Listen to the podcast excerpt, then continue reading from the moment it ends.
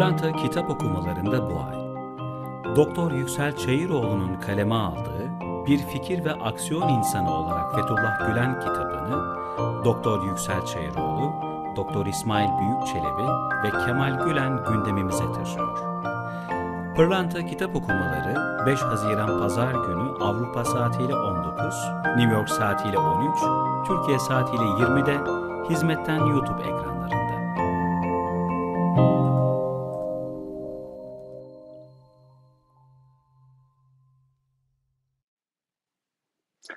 Evet kıymetli izleyenlerimiz, tanıtımda da gördüğünüz üzere Pırlanta Kitap Okumaları programındayız. Her ay düzenli olarak yapılan bir program. Bugüne özel hizmetten YouTube ekibinin de katıldığı ve bundan sonra da inşallah North East Islamic'le birlikte hizmetten platformunun da beraber neşredeceği Pırlanta Kitap Okumaları ayda bir defa düzenlenecek ve her ay düzenli olarak bir kitap mercek altına alınacak bu alandaki değerli hocalarımızla, akademisyenlerimizle söz konusu mercek altına alınan kitabı değerlendirmeye, anlamaya, istifade etmeye çalışacağız. Bu ayki kitabımız efendim asrın dertlisi muhterem Fethullah Gülen Hoca Efendi'nin konu edildiği, hangi yönde konu edildiğiyle ilgili program içerisinde değerli misafirlerimiz mutlaka zikredecekler. Bir fikir ve aksiyon insanı olarak Fethullah Gülen kitabını bugün anlamaya, istifade etmeye ve kitap özetini bugün yaşamaya çalışacağız. Fakat diğer programlardan farklı olarak bu kez bir kitap özetinden ziyade bizzat konuya hakim, konunun canlı şahitleriyle konuşacağız. Belki de yer yer söz konusu konuşulan mevzu ya da madde ya da konuyu yaşayan bireylerle konuşacağız. Efendim kitabın müellifi Doktor Yüksel Çeyiroğlu beyefendi yine aynı aileden her hadiseyi bizatihi belki de yaşayan ya da duyan ya da şahit olan ilmel yekin, aynel yekin içinde bulunan Kemal Gülen beyefendi ve değerli büyüğümüz Doktor İsmail Büyükçelebi bugünkü misafirlerimiz olacaklar. Hemen hatırlatayım. North East Islamic ile birlikte MC Euro ve Hizmetten platformunda şu anda canlı yayında izleyebildiğiniz programı değerli dostlarınızla, sevdiklerinizle şu dakika itibariyle paylaşabilirsiniz. Dolayısıyla çok daha fazla istifadeli ve bereketli olacağını ümit ediyoruz. Ben Doktor Yüksel Çayıroğlu Beyefendi ile başlayarak bir merhaba demek istiyorum. Yüksel Bey merhaba, hoş geldiniz efendim programımıza. Merhabalar, hoş bulduk. Teşekkür ediyorum. Kemal Bey'e döneceğim. Kemal Gülen abi, efendim hoş geldiniz. Nasılsınız? Teşekkür ederim. Sağ olun Barış Bey. Kolay gelsin. Yüksel Hocam hürmetler. Teşekkür ederim. Hürmet bizden. Teşekkür ediyorum hocam. Ve değerli abimiz, kıymetli büyüğümüz İsmail Büyükçelebi abi. Muhterem abim hoş geldiniz efendim. Safalar getirdiniz. Estağfurullah, estağfurullah. Hoş bulduk, hoş bulduk. Programımız bereketli olsun inşallah. İnşallah efendim. Çok teşekkür ederiz. İnşallah. Ee, yer yer tabii böyle farklı konuklara döneceğim ama bugünkü sıralamada aslında kitabın müellifiyle başlayıp ardından ilk canlı şahitlerden Kemal Gülen Beyefendi ile sonra İsmail Büyükçelebi abimizden istifade etmek isteyeceğiz. Sayın Çayıroğlu'na dönmek istiyorum. Ee, 2000 yılından bu yana gerek hizmet hareketini, gerekse diğer cemiyetleri ve hareketleri yakından takip ettiğinizi ifade etmişsiniz kitabın belirli bölümlerinde. Bununla birlikte kitabın e, mercek altına alındığı şahsiyet olan muhterem Fethullah Gülen Hoca Efendi'nin ön plana çıkarılması gerektiğini zikretmişsiniz. Onun farklı yönlerinin ön plana çıkarılması gerektiğini ifade etmişsiniz. Ve bu hususta belki de hakkında en çok kitap yazılan, eser yayınlanan, makale yazı, yazılan e, bir e, zattan, bir şahıstan bahsediyoruz. Bu konuda sizi bu kitabı yazmakta, bu kadar bilgiyi derleyip toplayıp bu işin dertlisi kılmaktaki ana gerekçeler nelerdi? Bu hususta bizimle neler paylaşmak istersiniz efendim? Evet, kısaca kitabın hikayesini giriş bölümünde anlatmaya çalışmıştım. Hatırımda, hatırıma gelen birkaç hususa temas edeyim kısaca. Öncelikle e, hayatı boyunca e, yazan, çizen, konuşan, bütün hayatı adeta aksiyonla geçen, talebe yetiştiren, bugün itibariyle dünyanın pek çok ülkesinde dal budak salmış, hizmetlere ilham kaynağı olan bir zatın hayatı hiçbir şey olmasa bile incelenmeye değer bir hayat. Ee, Hoca Efendi'nin baktığımızda bugün 80 civarında kitabı var. Bütün hayatını konuşarak, sohbet ederek, vaz vererek, genç nesilleri yetiştirerek, insanlarda yeni bir iman şuuru e, uyandırmaya çalışarak geçmiş. Yani böyle bir hayatın incelenmesi mutlaka e, gerekli. E, yok muydu bugüne kadar yapılan çalışma? Vardı elbette. E, Arapça, İngilizce, Türkçe, Hoca Efendi ile ilgili, hizmet hareketi ile ilgili kaliteli çalışmalar yapıldı. Güzel meyveler verdi hakikaten. Fakat mutlaka her yazarın kendince e, ortaya çıkarmak istediği, vurgulamak istediği, biraz daha mercek tutmak istediği hususlar olabiliyor.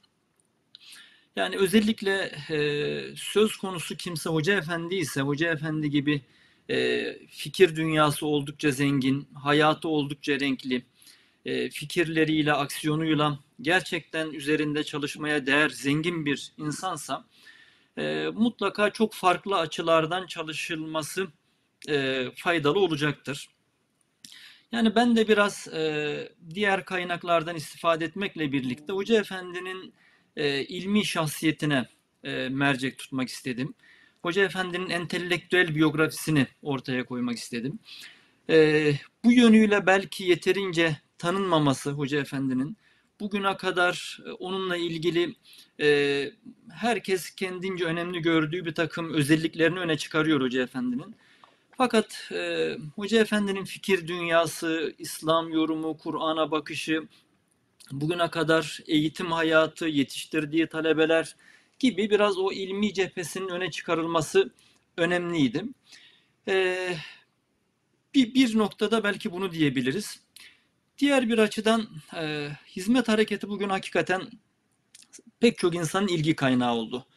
Hani bazen reklamın kötüsü olmaz diyorlar ya belki Türkiye'de hizmet hareketine yönelik Cadao belki hizmet hareketini daha da merak edilir bir hareket haline getirdi dünyada. İnsanlar daha çok öğrenmek istiyorlar. Ee, söz konusu iddiaların doğru olup olmadığını araştırıyorlar. Dolayısıyla hizmet hareketini öğrenmek isteyen kişilerin birinci derecede bilmek istedikleri kişi Hoca Efendi. Çünkü Hoca Efendi kendisini nereye koyarsa koysun. Hoca Efendi hani lider denilmesinden, önder denilmesinden e, rahatsız oluyor. Biliyoruz bunu. Kendine hep sıradan bir hizmet ferdiyim ben diyor. Hizmetteki insanlarla birlikte ötede ben de kurtulursam e, ne mutlu diyor. Kendini nereye koyduğunu biliyoruz. Fakat bir de realite var. Bugün dünyada Hoca Efendi'ye bir bakış var. E, veya işin bugüne kadar Hoca Efendi'nin hizmet insanları gözündeki yeri, konumu, sevgisi var. Dolayısıyla herkes tanımak, bilmek istiyor Hoca Efendi'yi. E, fakat bir insanı özellikle Hoca Efendi gibi fikir dünyası oldukça zengin bir insanı tanımak hakikaten kolay değil. Ben de öyle bir iddiada değilim. İddiam öyle bir iddiam yok. Fakat en azından acaba Hoca Efendi'yi bütün yönleriyle e, hususiyle yani İslam yorumu, bugünkü modern meselelere bakışı farklı açılardan e, doğru tanıtabilir miyiz? E, belki endişem buydu. Üçüncü olarak da şuna temas edeyim. Bugün maalesef Türkiye'de hani hizmet hareketinin bir cadavına tabi olduğu hepimizin malumu. Ciddi bir soykırımdan geçiyor bile denilebilir. Yani zulümler, baskılar ve işin merkezinde Hoca Efendi var. Belki birazdan e, Kemal Hocam, Kemal Gülen daha meseleyi net ortaya koyabilir. Ailenin maruz kaldığı sıkıntıları ama bizim de hani kulağımıza gelen, medyada gördüğümüz kadarıyla bugün zannediyorum Hoca Efendi ve aile çevresi e, birinci hedefi oldu hükümetin. Ve Hoca Efendi'yi yıpratma sadece hapis değil, sadece e, bir takım maddi eziyet verme, bir takım haklardan mahrum bırakma da değildi. Hoca Efendi'yi itibarsızlaştırma adına korkunç bir kampanya başlattım. Ve e, yine üzülerek ifade edeyim ki işin merkezinde de Diyanet oldu. Diyanet 10 küsur sadece Hoca Efendi'nin fikir dünyasını ele alıyormuş gibi yapan ama asıl derdi işte cımbızlama yaparak Hoca Efendi'nin fikirlerinden, kitaplarından, vaazlarından işlerine yarayacak bir takım cümleleri, ifadeleri bağlamından koparak Hoca Efendi'yi e, işte din adına Bir rapor düzenlediler. sapkın görüşleri olan bir insan gibi göstermeye çalıştılar maalesef. Sadece Diyanet'te değil, işte bir takım insanlara kitaplar yazdırdılar. Yani onlarca, belki yüzün üzerinde benim tespit edebildiğim kitap yazıldı. Ve e, o kitaplara baktığınızda Bu aslında son hepsi 4-5 birbirinin yılda çıkarılan karalama kampanyası değil mi hocam? Altını bir çizmek gerekiyor galiba. Evet, son, son aslında daha önce de yazılan kitaplar vardı, aleyhte yazılan ama çok daha azdı bunlar. Fakat şu son 4-5 yılda çok yoğun bir şekilde kampanya başlattılar. Hani bazen şunu soruyorlar, hani bu aleyhte yazılan kitapları da okudunuz mu? Ben de espriyle karışık şunu diyorum. O kitaplardan birini okuduğunuzda aslında toplam yazılanların %70-80'ine vakıf oluyorsunuz. Çünkü hepsi birbirinin tekrarı gibi. Çoğuna baktım ben, çoğunu indirdim. Hakikaten ne denilmiş? Kitabın farklı yerlerinde birkaç yerde kısa bir değerlendirme de yaptım aleyhte yazılan eserlerle ilgili. Fakat şunu demeye çalışacağım. Şöyle böyle insanların şuur altında e, Hoca Efendi ile ilgili ciddi manada kirlettiler. Yani aleyhte bugün internette bile kısa bir search yapsanız işte Fethullah Gülen kimdir deseniz, Hoca Efendi ile ilgili bir araştırma yapsanız ilk çıkan sayfalar hakikaten e, insanın içini kanatıyor. Yani hiçbir şekilde Hoca Efendi'nin gerçek fikirleriyle, gerçek portresiyle, gerçek hayatıyla, gerçek tecrübesiyle, tecrübeleriyle, yapıp ettikleriyle alakası olmayan bir portre çıkıyor karşınıza. Hani bunlara tek tek cevap verme e, kolay değil. Belki onlar da kısmen yapıldı belli hocalarımız tarafından. Bundan sonra da yapılacaktır. Hani şu andaki hükümetin e, baskısı art, ortadan kalktığında ve objektif ilmi çalışmalar yapmaya başladığında insanlar ben zannediyorum şu an bu aleyhte yazan çizenlerin çoğu yazı çizdiklerinden utanacaklardır. Çünkü içi çarpıtmayla dolu, bilgi yanlışlarıyla dolu, iftiralarla dolu, e, çarpık yorumlarla dolu. Yani tamamıyla kendi maksatları var, bir niyetleri var. O da nedir? Hoca Efendi'yi itibarsızlaştırmak ve o maksatlarına hizmet edebilecekleri bilgi kırıntılarını toplayarak kitap yazma, yazmaya çalışmışlar. Bunlara tek tek cevap verme kolay değil. En azından Hoca Efendi kimdir? Bir daha bu dönemde en azından e, gerçek fikirleriyle, hayatıyla, tecrübeleriyle yazılırsa e, bu aleyhteki karalama kampanyalarına da dolaylı bir cevap olur diye düşündüm. Meselenin bir yönü de buydu belki. Bir soruyu ön plana alacağım. Aslında daha sonra soracaktım. O zaman şimdi sorayım. E, günümüzde Hoca Efendi Evet. ilgili madem bu kadar lehte birçok yorum var. E, son 4-5 yılda 120'ye yakın bu konuda kitap çıkarılmış ve bunlar devam ediyor. Peki sizce en kısa tanımıyla Hoca Efendi kimdir? Evet, e, teşhisinizden başlayalım. Sadece bu dönemde değil, önceki dönemde de herkes Hoca Efendi'yi bir yerlere koyuyor. Biraz da kendi background'ına göre, eski bilgilerine göre. Hoca Efendi'yi hani çağın Mevlana'sı diyerek tanıtanlar, daha ziyade Sufi kimliğiyle öne çıkaranlar oldu. Biraz Batı dünyası bunu seviyor. Hoca Efendi'yi Sufi kimliğiyle tanımayı, tanıtmayı seviyor. Biraz işte Arap dünyasına baktığımızda daha ziyade Hoca Efendi'nin yani bir dava insanı olması, İslami bugün hani yeni bir dirilişe vesile olacak. E, tırnak içinde kullanayım. Hani e, Hoca Efendi'nin Basu Badel Mevt dediği, diriliş dediği veya e, bugün farklı isimlerle anlatılan yani İs- İslam'ı müceddit, tecdit hareketi dediğimiz yani bir müceddit gibi gösterme biraz daha yaygın. Türkiye'de ise tamamıyla Hoca Efendi'yi siyasi bir figür gibi göstermeye çalıştılar. Yani sanki Hoca Efendi öteden bu yana hiç ilimle meşgul olmamış, herhangi bir e, alim kimliği kisvesi yok. E, bugüne kadar talebe yetiştirmemiş, vaaz etmemiş. Yani veya bunları yaptıysa da bütün bugüne kadar yaptığı faaliyetlerini siyasi bir takım emellerine kavuşmak için yapmış. Maalesef tablo bu. E, dolayısıyla bazen e, bir takım kötü maksatlarla Hoca Efendi'yi bir yere koymaya çalışıyorlar. Bazıları da iyi niyetli ama Hoca Efendi'nin bir yönünü e, öne çıkararak tanımlamaya çalışıyorlar. Yani Hoca Efendi gibi bir insanı hakikaten tanımlamak, bir yere koymak kolay değil ama e, kitabın zannediyorum son paragrafını Hoca Efendi'yi tanıtarak bitirmeye çalışmıştım. Son sayfanın son paragrafını. Hoca Efendi Okumak isterseniz kimdir? paylaşabilirsiniz hocam orayı. Ya da isterseniz birlikte de okuyabiliriz orayı, o bölümü. Ee, son paragrafını okuyalım. Hemen hemen açıyorum. Şöyle Çok daha demiştim. faydalı olur. Evet. Hemen açıyorum. Evet. Lütfen. Açtım. Ee, onun üzerinden gitmek evet belki daha güzel olabilir. Şöyle. Fethullah Gülen, İslami ilimlerdeki derin ve engin bilgisi itibariyle bir İslam alimi.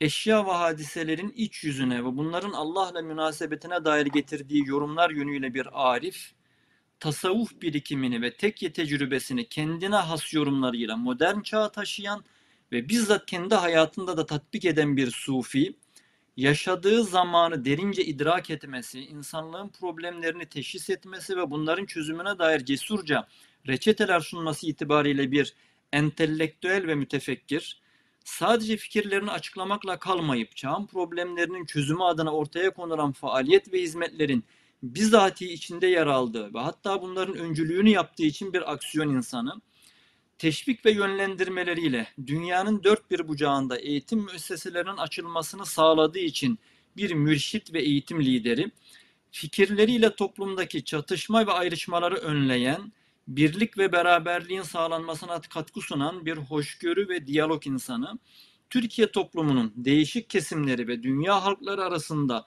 sulh tesis etmeye gayret eden bir barış yapıcı, uzun yıllar yaptığı vaaz ve sohbetleriyle kitleler üzerinde yoğun bir duygu seli meydana getirmesi yönüyle belagatli bir hatip, 70'e aşkın kitabı göz önünde bulundurulduğunda velut bir yazar, sehli mümteniz sayılabilecek mesaj yüklü ve manalı şiirleri açısından da hakim bir şairdir. Evet bunların aslında Ağzınıza hani bu kitabın özeti gibi bana göre. Yani biraz kitapta bunu göstermeye çalıştım. Yani Hoca Efendi'nin tabii ne kadar muvaffak olabildim onu okuyucu takdir edecek. Ama Estağfurullah, biraz Hoca Efendi'nin camiyetine çok Evet amin inşallah. Bu Hoca Efendi'nin camiyetine, çok yönlülüğüne, derinliğine e, dikkat çekmeye çalıştım. Yani bu yönüyle hakikaten hayatına baktığımızda aslında kuşbaşı kuş kuş bakışı e, Hoca Efendi'nin bütün bu e, yönlerini yönlerinin altını yani bütün bu yazılanların altını doldurabileceğimiz çok farklı şeyler bulabiliriz. Eserlerinden de bulabiliriz, hayat tecrübesinden de bulabiliriz. Fakat son şuna vurgu yapayım. Eğer bütün bunları tek bir şeyde toplayacak olursak yani en çok öne çıkan yönü nedir Hoca Efendi'nin diye, diye, diyecek olursak zannediyorum alim ve mürşit yönünü ben ifade etmek isterim. Yani her şeyden önce Enes Ergene hocamızın bir kitabı vardı. Geleneğin Modern Çağ Tanıklığı diye. Kitabın ismini çok önemsiyorum ben. Hoca Efendi hakikaten o geleneksel mirasa sahip olmuş. O geleneği bir şekilde okumuş, özümsemiş ve daha sonra bu asrın şartları içerisinde, bu asrın insanın anlayabileceği şekilde arz etmeye çalışmış. Müesseseler şeklinde, kitaplar şeklinde, vaaz ve sohbetleriyle, fikirleriyle çok farklı yol ve kanallarla o geleneksel mirası bugünün şartlarını da göz önünde bulundurarak Hoca Efendi kitlelere ulaştırmaya çalışmış. Bu yönüyle kelimenin tam anlamıyla bir İslam alimidir Hoca Efendi. Yani bu yani o İslam alimi dediğimde ben tırnak içinde kullanıyorum. Yani onun altını dolduran bir insandır Hoca Efendi.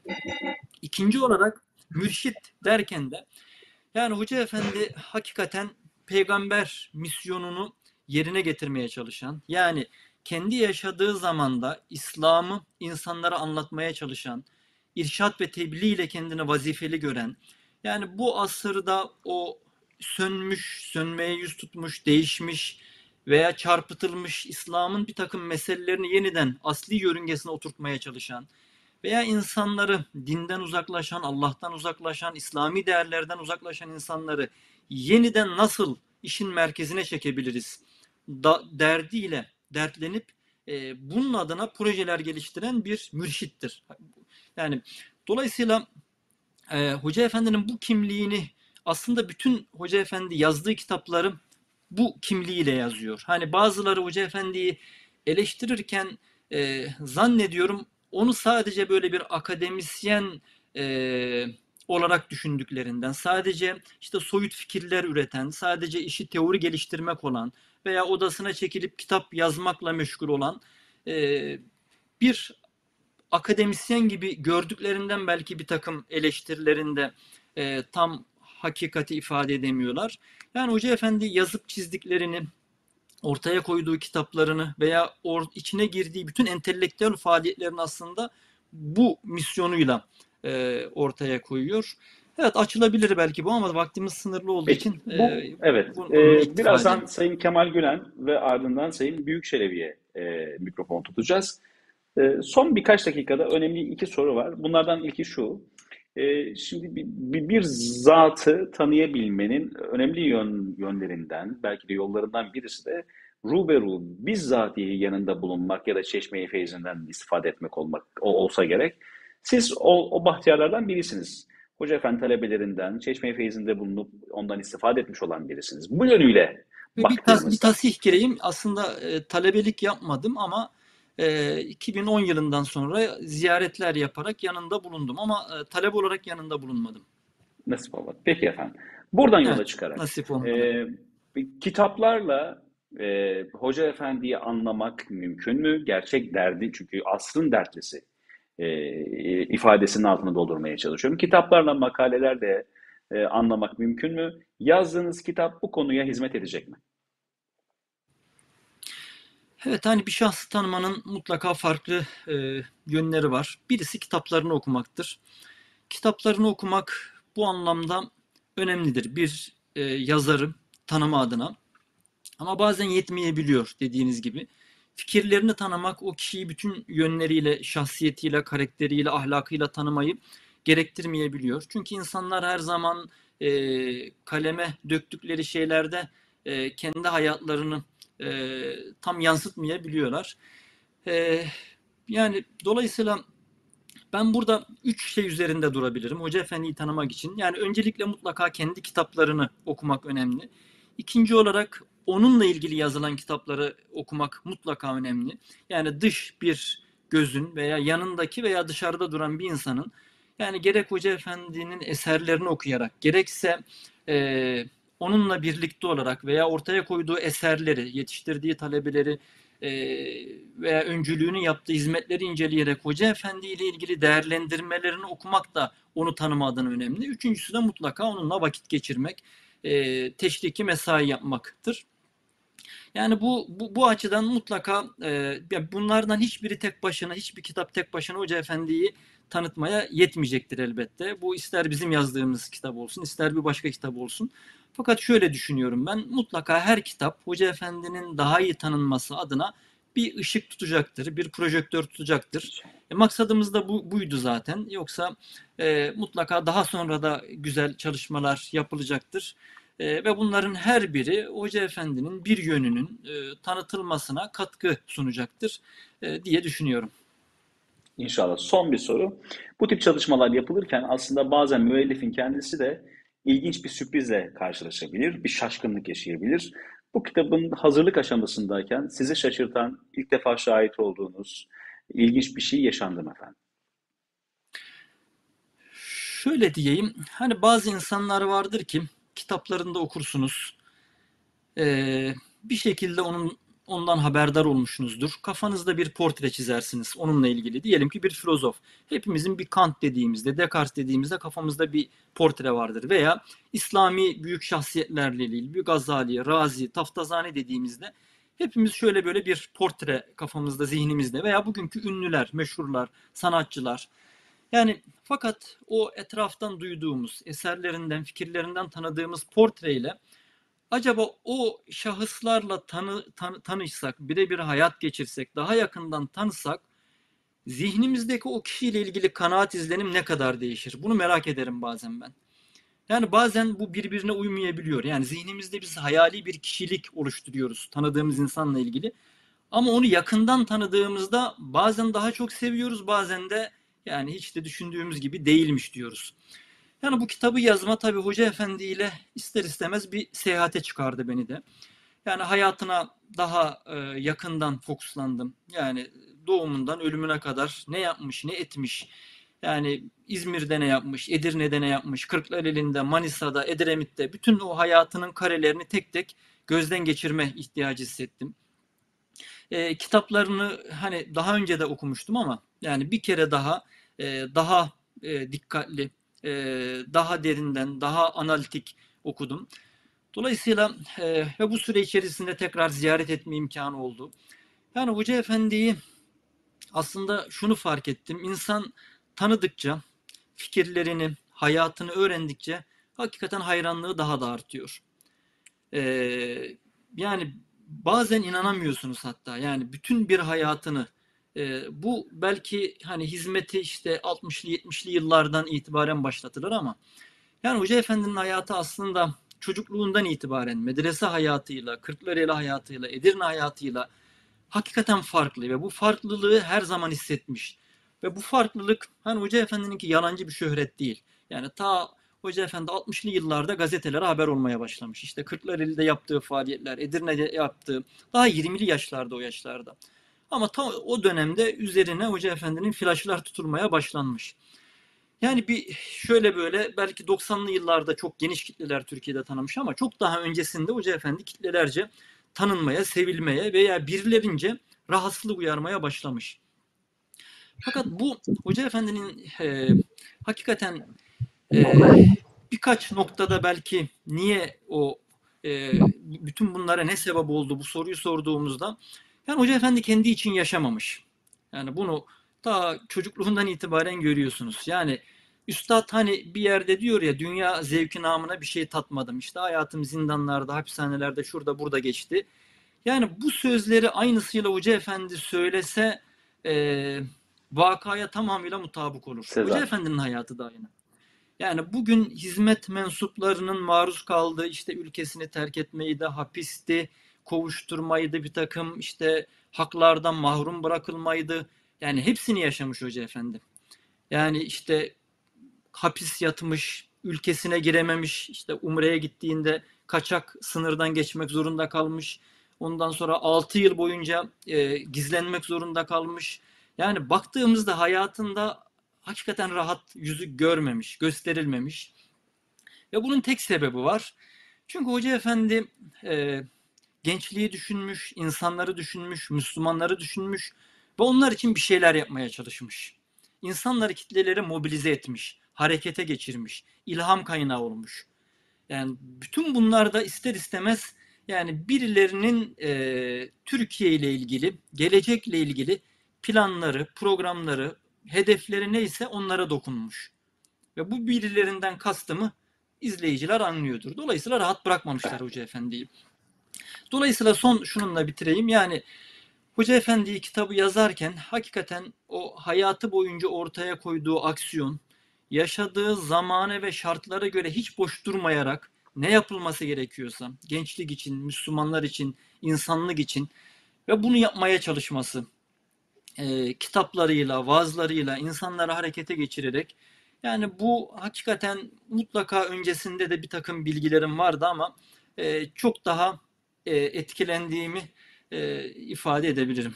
Belki bilmiyorum İnşallah. tam sorunuzun cevabı olmadı ama aklıma Estağfurullah, estağfurullah. Kesinlikle, kesinlikle aldık efendim biz o cevabı.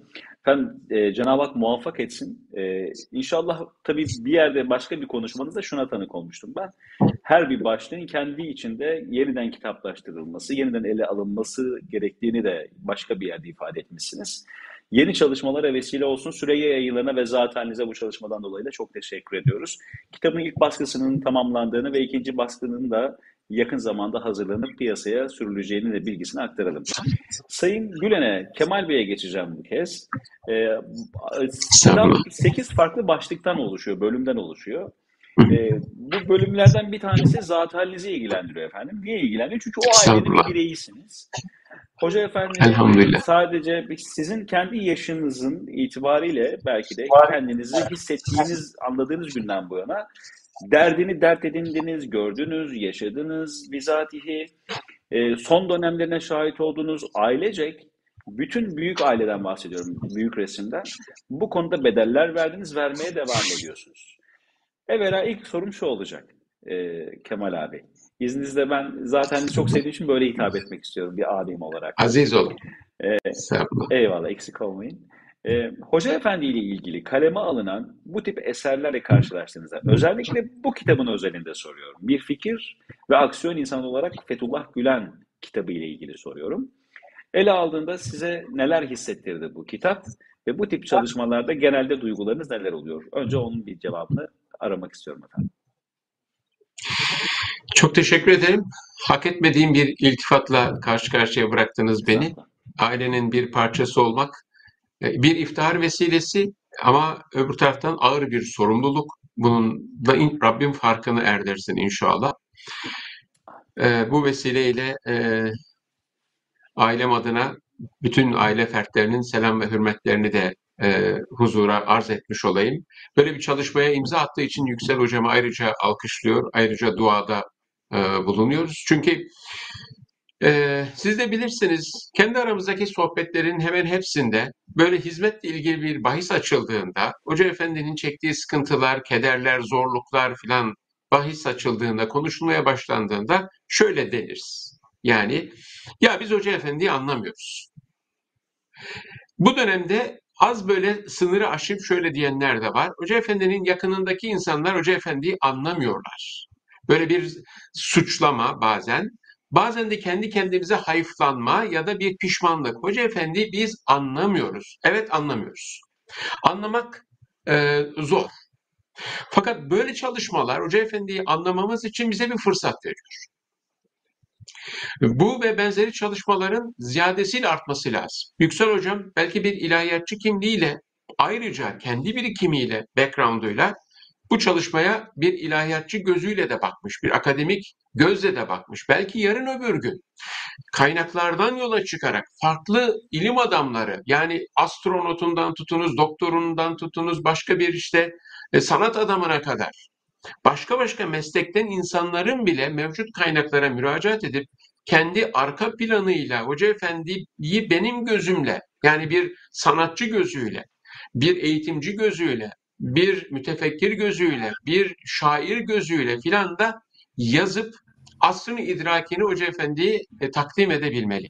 Yani dolayısıyla bu kitaplar, Yüksel Hocam'ın e, yaptığı bu çalışma ileride yapılacak bu tip çalışmalar için de kaynak teşkil edecek ve bizim de henüz yani biz çok konuşan, dinlemeyi çok seven, okumayı az e, tercih eden bir e, eğitim gönüllüleriyiz. Yani çuvaldızı kendimize batıralım azıcık diye söylüyorum. E, özellikle son dönemde hani okumaktan işte hayat meşgalelerinden dolayı filan okumakta biraz zorlanıyoruz. Ha, zaten o kütüphanemizde var bir gün okuruz bahanesine sığınıyoruz. Hayır öyle yapmayalım. Allah razı olsun Yüksel Hocam bir çalışmaya daha imza atmış. A'dan Z'ye her meseleye temas etmiş. Yani Hoca Efendi'yi anlayabilmek için bu kitabı baştan aşağıya tetkik ede ede böyle altını çize çize birkaç arkadaş birlikte okuyabilsek Hoca Efendi'nin dünü, bugünü ve yarına ait projelerini, kendi karakterini, kimliğini, çok rahat misyonunu rahatlıkla anlayabiliriz. Kendi birikimimizle birlikte. Yani kendi aynamız ne kadar büyük ya da ne kadar küçükse Hoca Efendi'nin nuru ya da ışığı o aynada o kadar tecelli edecektir.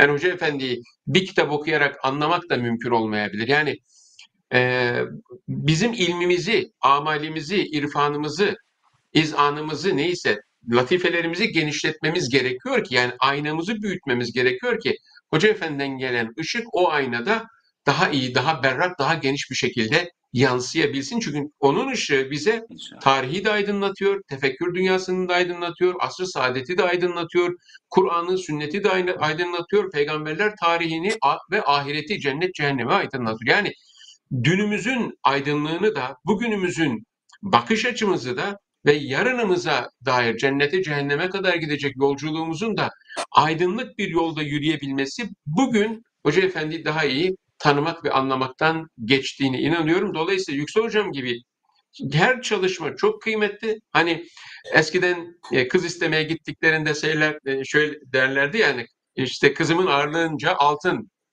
isterim vermek için filan. Hani kitap e, hacim itibariyle şey değil belki ama yani bu kitabın ağırlığınca altın değerinde kıymetli bir kitap. Yüksel hocama böyle her birimiz altın değerinde külçe altın versek değer. Şimdi bu samimi duygularım kitabı baştan sona henüz bitiremedim ama okumaya devam ediyorum. Son sayfayı ama Allah razı olsun Yüksel hocamla birlikte okumuş olduk son paragrafı. Hakikaten muhteşem bir özet. Şimdi bana düşen şey burada biraz Hoca Efendi'nin e, gerçi İsmail Hocam benden daha iyi bilir. O çocukluk yıllarında Hoca Efendi'yi tanıdı. Ben belki o zamanlar daha bebektim yani.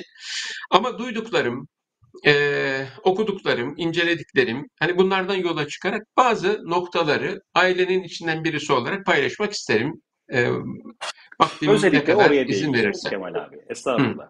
E, zira fikir insanlarını hele hele e, insanlığın dertleriyle dertli bazı sineleri anlayabilmek için onların neşet ettiği toprak, çevre, ailenin de mercek altına alınması gerekiyor. Bu yüzden bu kitabın canlı şahitleriyle konuşacağız dedik programımızın başında. Siz o ailenin bir ferdi bir parçası olarak birçok şeyi birlikte teneffüs ettiniz. E, birlikte üzüldünüz, birlikte belki sevindiniz, mutlu oldunuz bilemiyorum. E, bu yönüyle bakacak olursak nasıl bir ortamda yetişti muhterem Fethullah Gülen Hoca efendim? Estağfurullah. Şimdi ben e, dinlediklerim ve okuduklarımdan bahis açarak et tekraru ahsen velev kâne 180 bazı şeyler tekrar etmek güzeldir, hatırlamakta fayda vardır. O çerçevede aldığım notları paylaşayım. Önce kamuoyuna lanse edilen bazı şüpheler, bazı endişeler var. Özellikle eski bir tarih yazarının tarih hareketleri diye çıkarttığı o günün e, derin devleti tarafından ona yazdırılan bir kitap vardı. Orada Hoca Efendi'nin neslinin, nesebinin, soyunun başka başka mecralara gittiğine dair işte bir e, hatta e, Hoca Efendi'nin ailesinin işte bir cinayete karıştığına dair, cinayetten sonra alıp başını başka bir köye gitmişler, oradan Trabzon'a gitmişler, oradan başka yani elle tutulur hiçbir doğru kelimenin olmadığı ama doğruymuş gibi lanse edilen şöyle tuğla gibi kitaplar bastılar.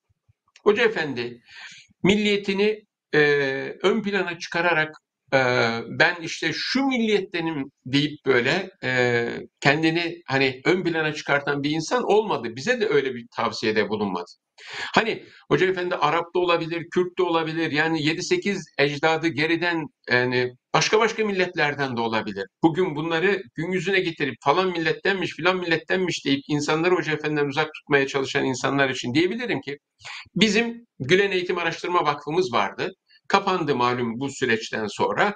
O vakıf süre- sürecinde bazı çalışmalar yaptık. Tarihçi arkadaşlarla arşivlere kadar gittiler, derinliğini incelediler. Hoca Efendi'nin hem anne tarafından hem baba tarafından, anne tarafı Mısır'dan gelen, baba tarafı Ahlat'tan gelen, iki taraftan da Efendimiz Aleyhisselatü Vesselam'ın soyuna bağlanan bir torun.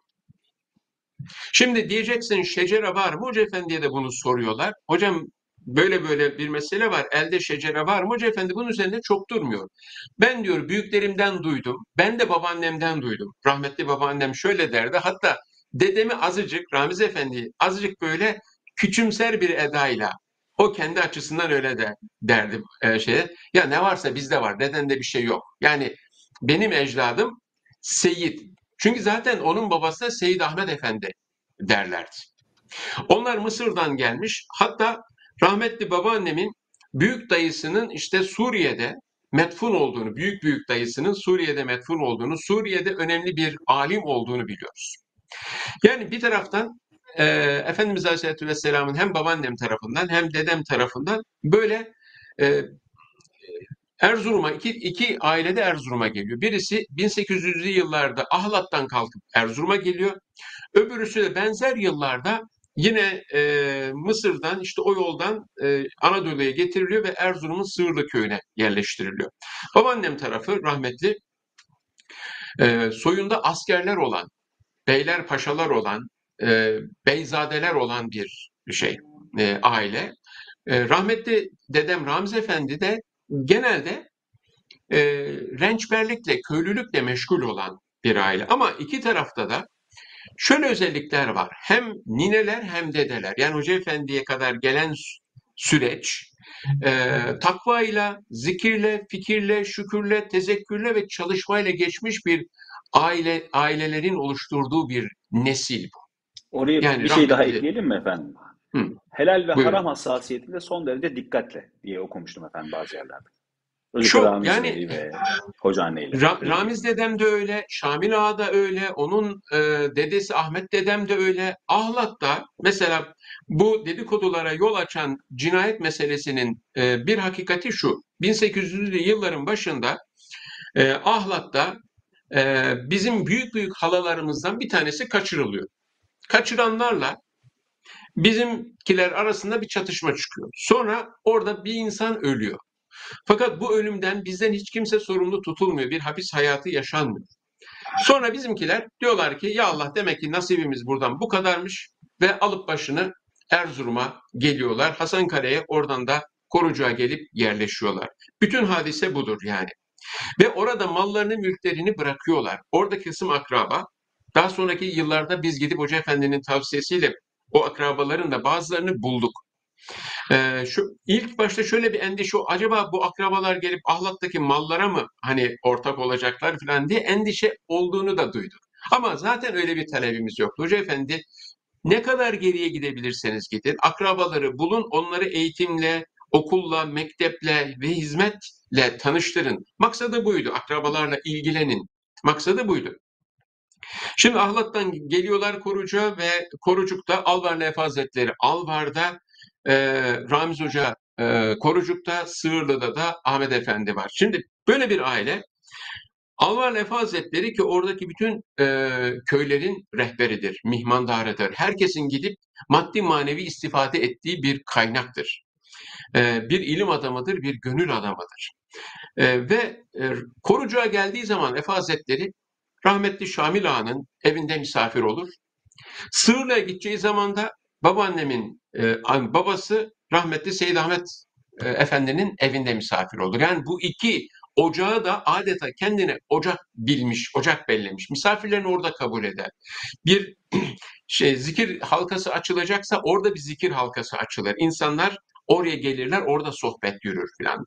Dolayısıyla rahmetli hem babaannem hem de e, Şamil Ağa tarafı Alvarlı Efe'nin e, talebeleridir. Bağlısıdırlar. Rahmetli babaannem de ben hatırlarım vefatından önce bile hala Efe Hazretlerinden Efe, Efe derdi o.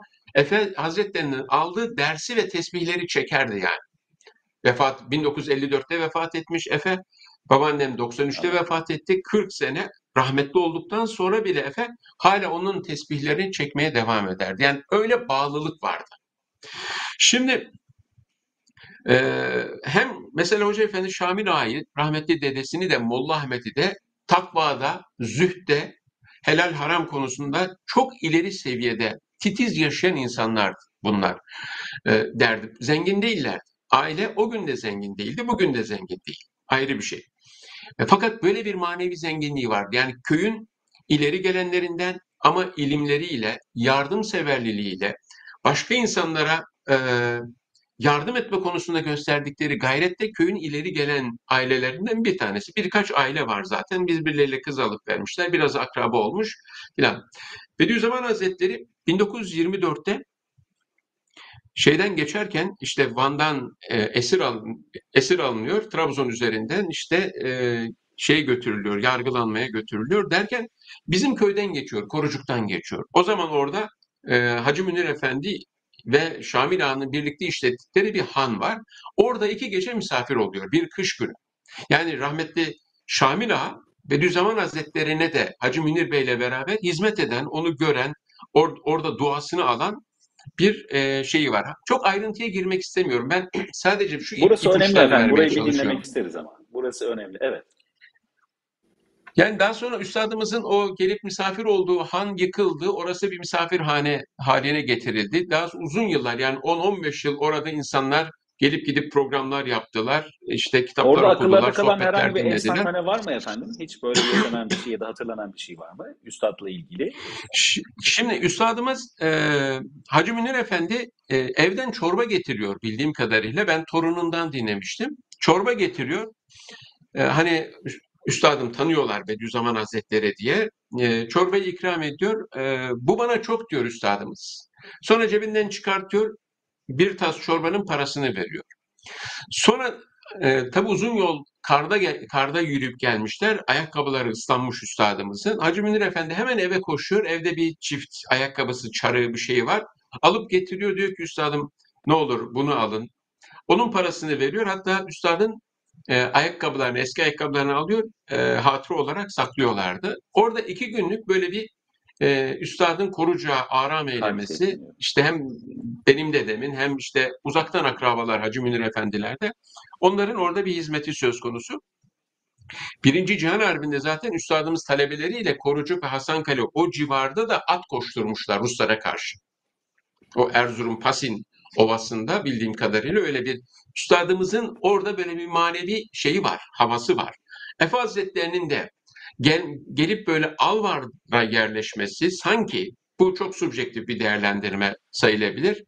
Hani 54'te vefat ediyor. Hoca Efendi çok genç yaşlarda ama çocukluk yaşlarından itibaren Hoca Efendi'nin kendi ifadesi ve dinlediklerimi de dikkate alacak olursak sanki Hoca Efendi'nin daha o küçük yaştan itibaren ona manevi rehberlik etmek, ruhu ruhu böyle etrafa, dünyaya gözü açılmadan şey hani Yunus'un Tapduk'un Yunus'a dediği şey gibi ben seni ahirette açılacak bir e, şey gibi hazırlıyordum, bir bohça gibi hazırlıyordum. Sen gittin kendini ifşa ettin diyor ya Tapduk Yunus Emre'ye.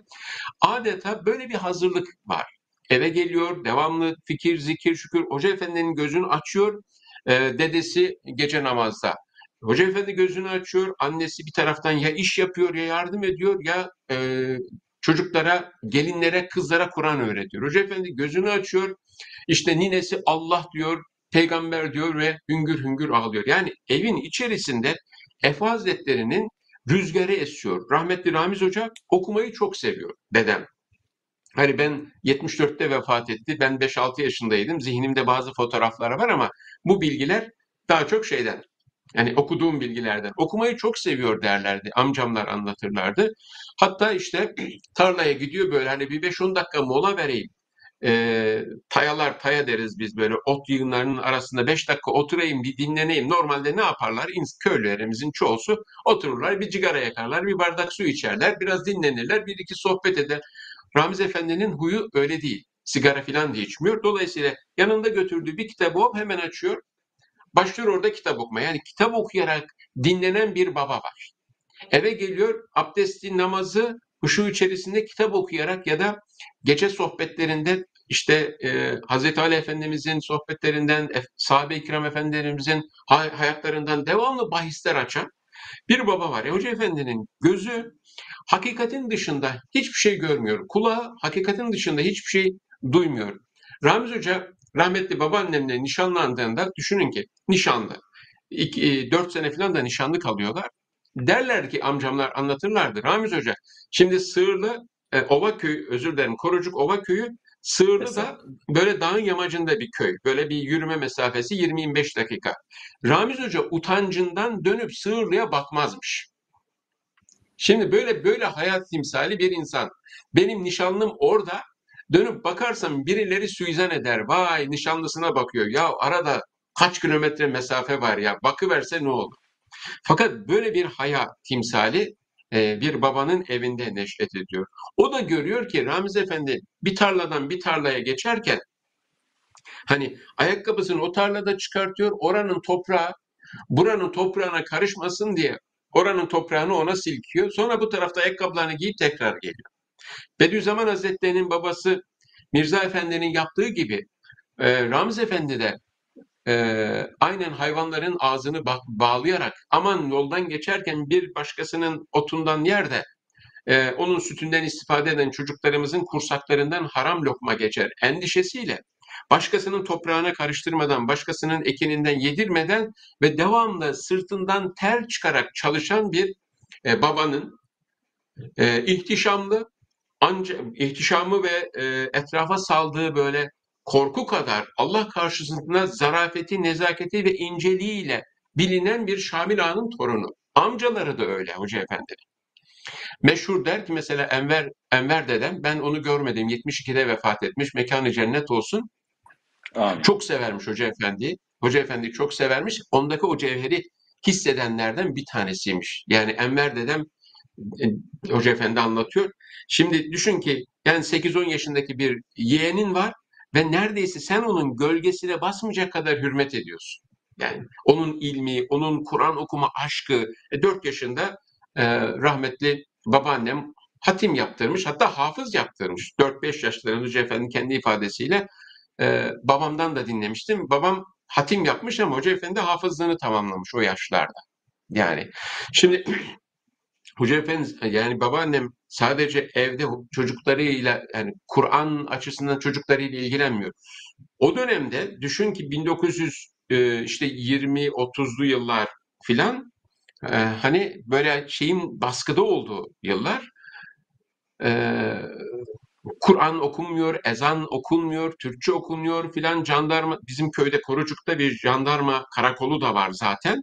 Dolayısıyla çok sık jandarmanın e, sokak sokak gezdiği bir yer. Oradan başka köylere dağılıyorlar, gidiyorlar. E, böyle bir zamanda o zor şartlarda köyün kızlarını, gelinlerini toplar. Hayvanların işte e, akşamları bağlandığı ahırlarda ya da mereklerde gizli gizli ikişer üçer onlara Kur'an öğretir. Aman ne yaparsanız yapın mutlaka Kur'an yani o kadar baskının altında Kur'an okuyan, öğrenen ve öğreten bir anneyi görüyor Hoca Efendi. Ya bunlar bütün kardeşler de aynı etkiyi mi yapıyordur? Hayır yapmıyordur. Ama Hoca Efendi'nin cevheri muhteşem. Yani ona bir şey diyemem. O benim de ilgi alanımı aşan bir şey. İsmail Hocam ondan bahseder. Ayrı bir şey. Fakat Hoca Efendi'nin cevherinde bütün bunlar çok farklı e, yansımalar yapıyor. Bir taraftan Ef Hazretleri, bir taraftan annesi, bir taraftan Ramiz Efendi, bir taraftan amcalar ve akrabalar arasındaki e, dayanışma. Ben hatırlıyorum babamın amcasının e, eşi yani babamın yengesi. Ben çocuğum.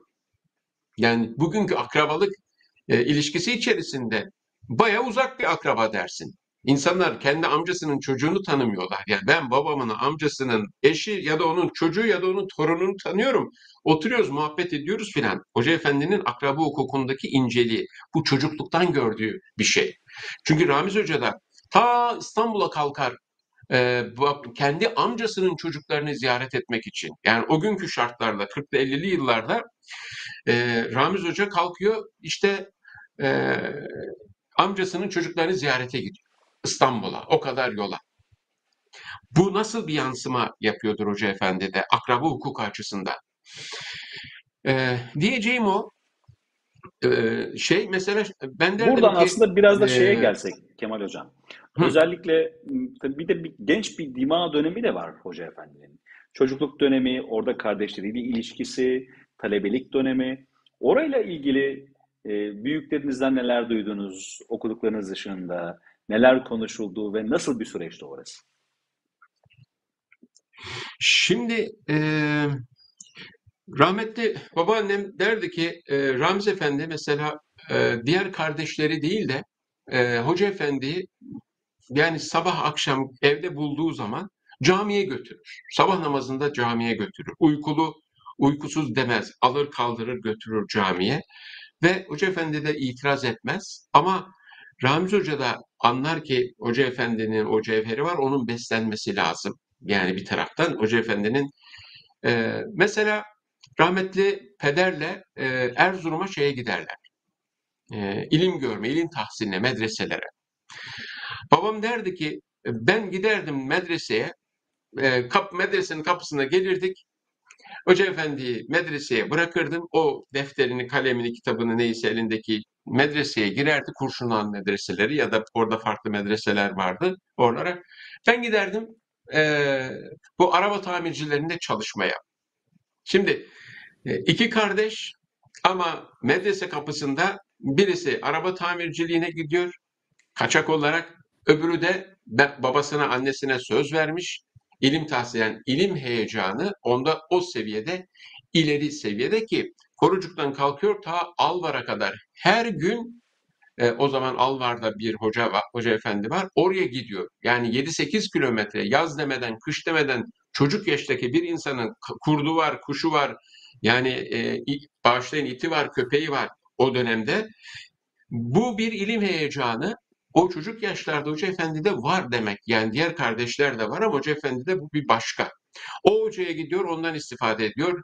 Başka e, Hasan Kale'ye gidiyor, kıraat dersi alıyor. Öbür tarafa gidiyor, fıkıh dersi alıyor. Ee, Erzurum'a geliyor. İşte hatta Efe Hazretleri'nin vefat ettiği dönemde Erzurum'da bir hatırası var. Onu kendisi de anlatıyor. Ee, o o dönemde Erzurum'da Kurşunluhan medreselerinde e, eğitim görüyor. Kurşunluhan medreseleri e, bizim kayınpeder de orada eğitim görmüş. Ondan da dinlemiştim. Yani e, gidip ziyaret edenler de vardır. Hakikaten minnacık minnacık odalar. 3-4 kişi bir arada kalıyor. E, kimsenin hani parası pulu yok.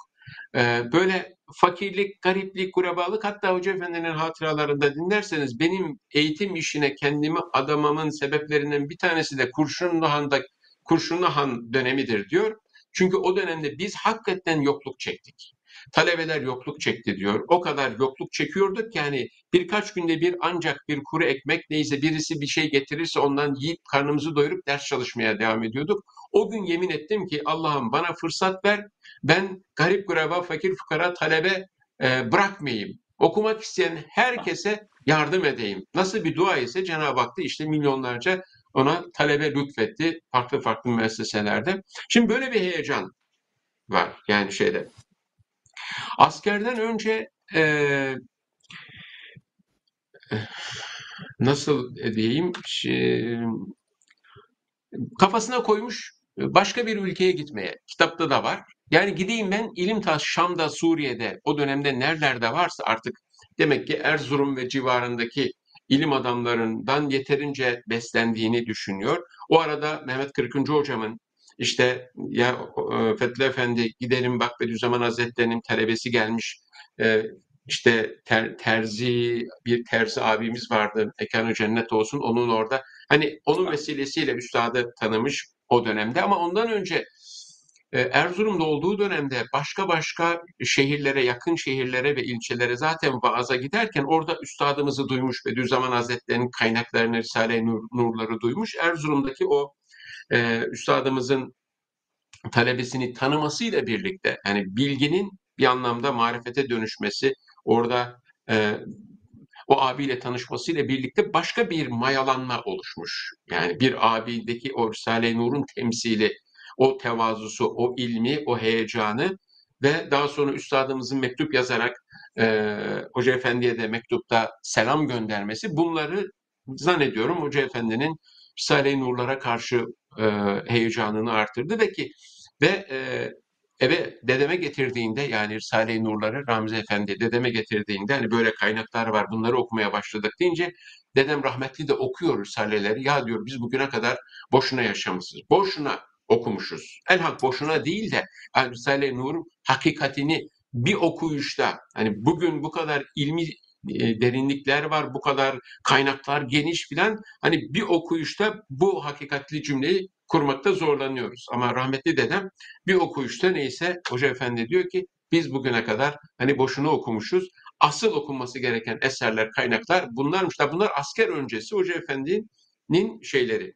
Asker öncesi asker de İskenderun'dan bir hasta hasta halinde Erzurum'a geldiğinde e, orada işte Komünizmle Mücadele Derneği e, kuruyor. Yani bir taraftan da yani ilim tahsili var ama hani bir huma kuşu gibi sadece ilim tahsil edeyim önüme birisi gelirse ona işte fıkıhta bir şey sorarsa kelam ona cevap vereyim filan böyle bir kenarda duran bir karakter de değil. Hayatın içine atılan Komünizmle Mücadele Derneği diye bir dernek kurup onu orada işte Necip Fazılları ve başka başka e, o günün şair ediplerini ağırlayarak gençleri bir araya getirerek onların aydınlanmasına yol açan bir aksiyon insanı olarak hani şeyin e, kitabın son paragrafında da ifade ediyor ya farklı farklı evet, aksiyon insanı olması e, ta o günlerden hani başlıyor.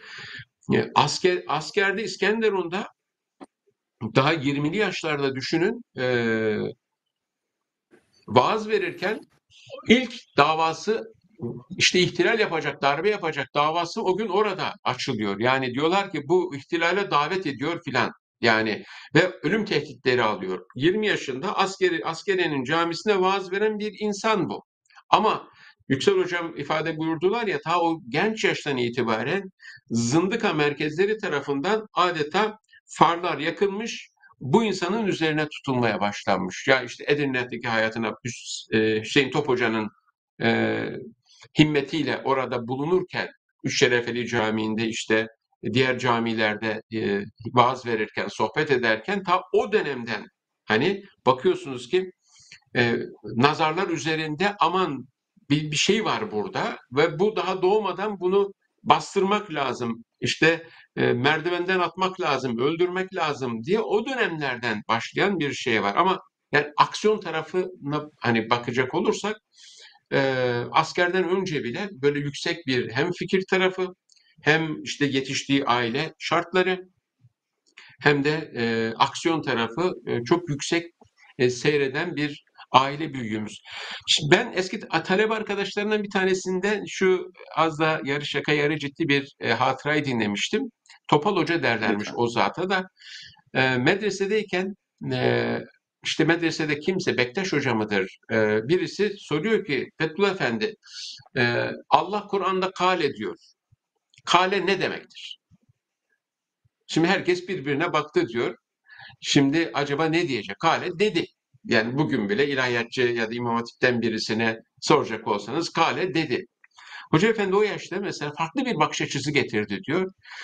Ee, hocam demiş Kale e, bizim peygamberlere hitap ediyorsa buyurdu. Allah buyurdu ki demektir. Sıradan müminlere hitap ederse e, Allah dedi ki demektir.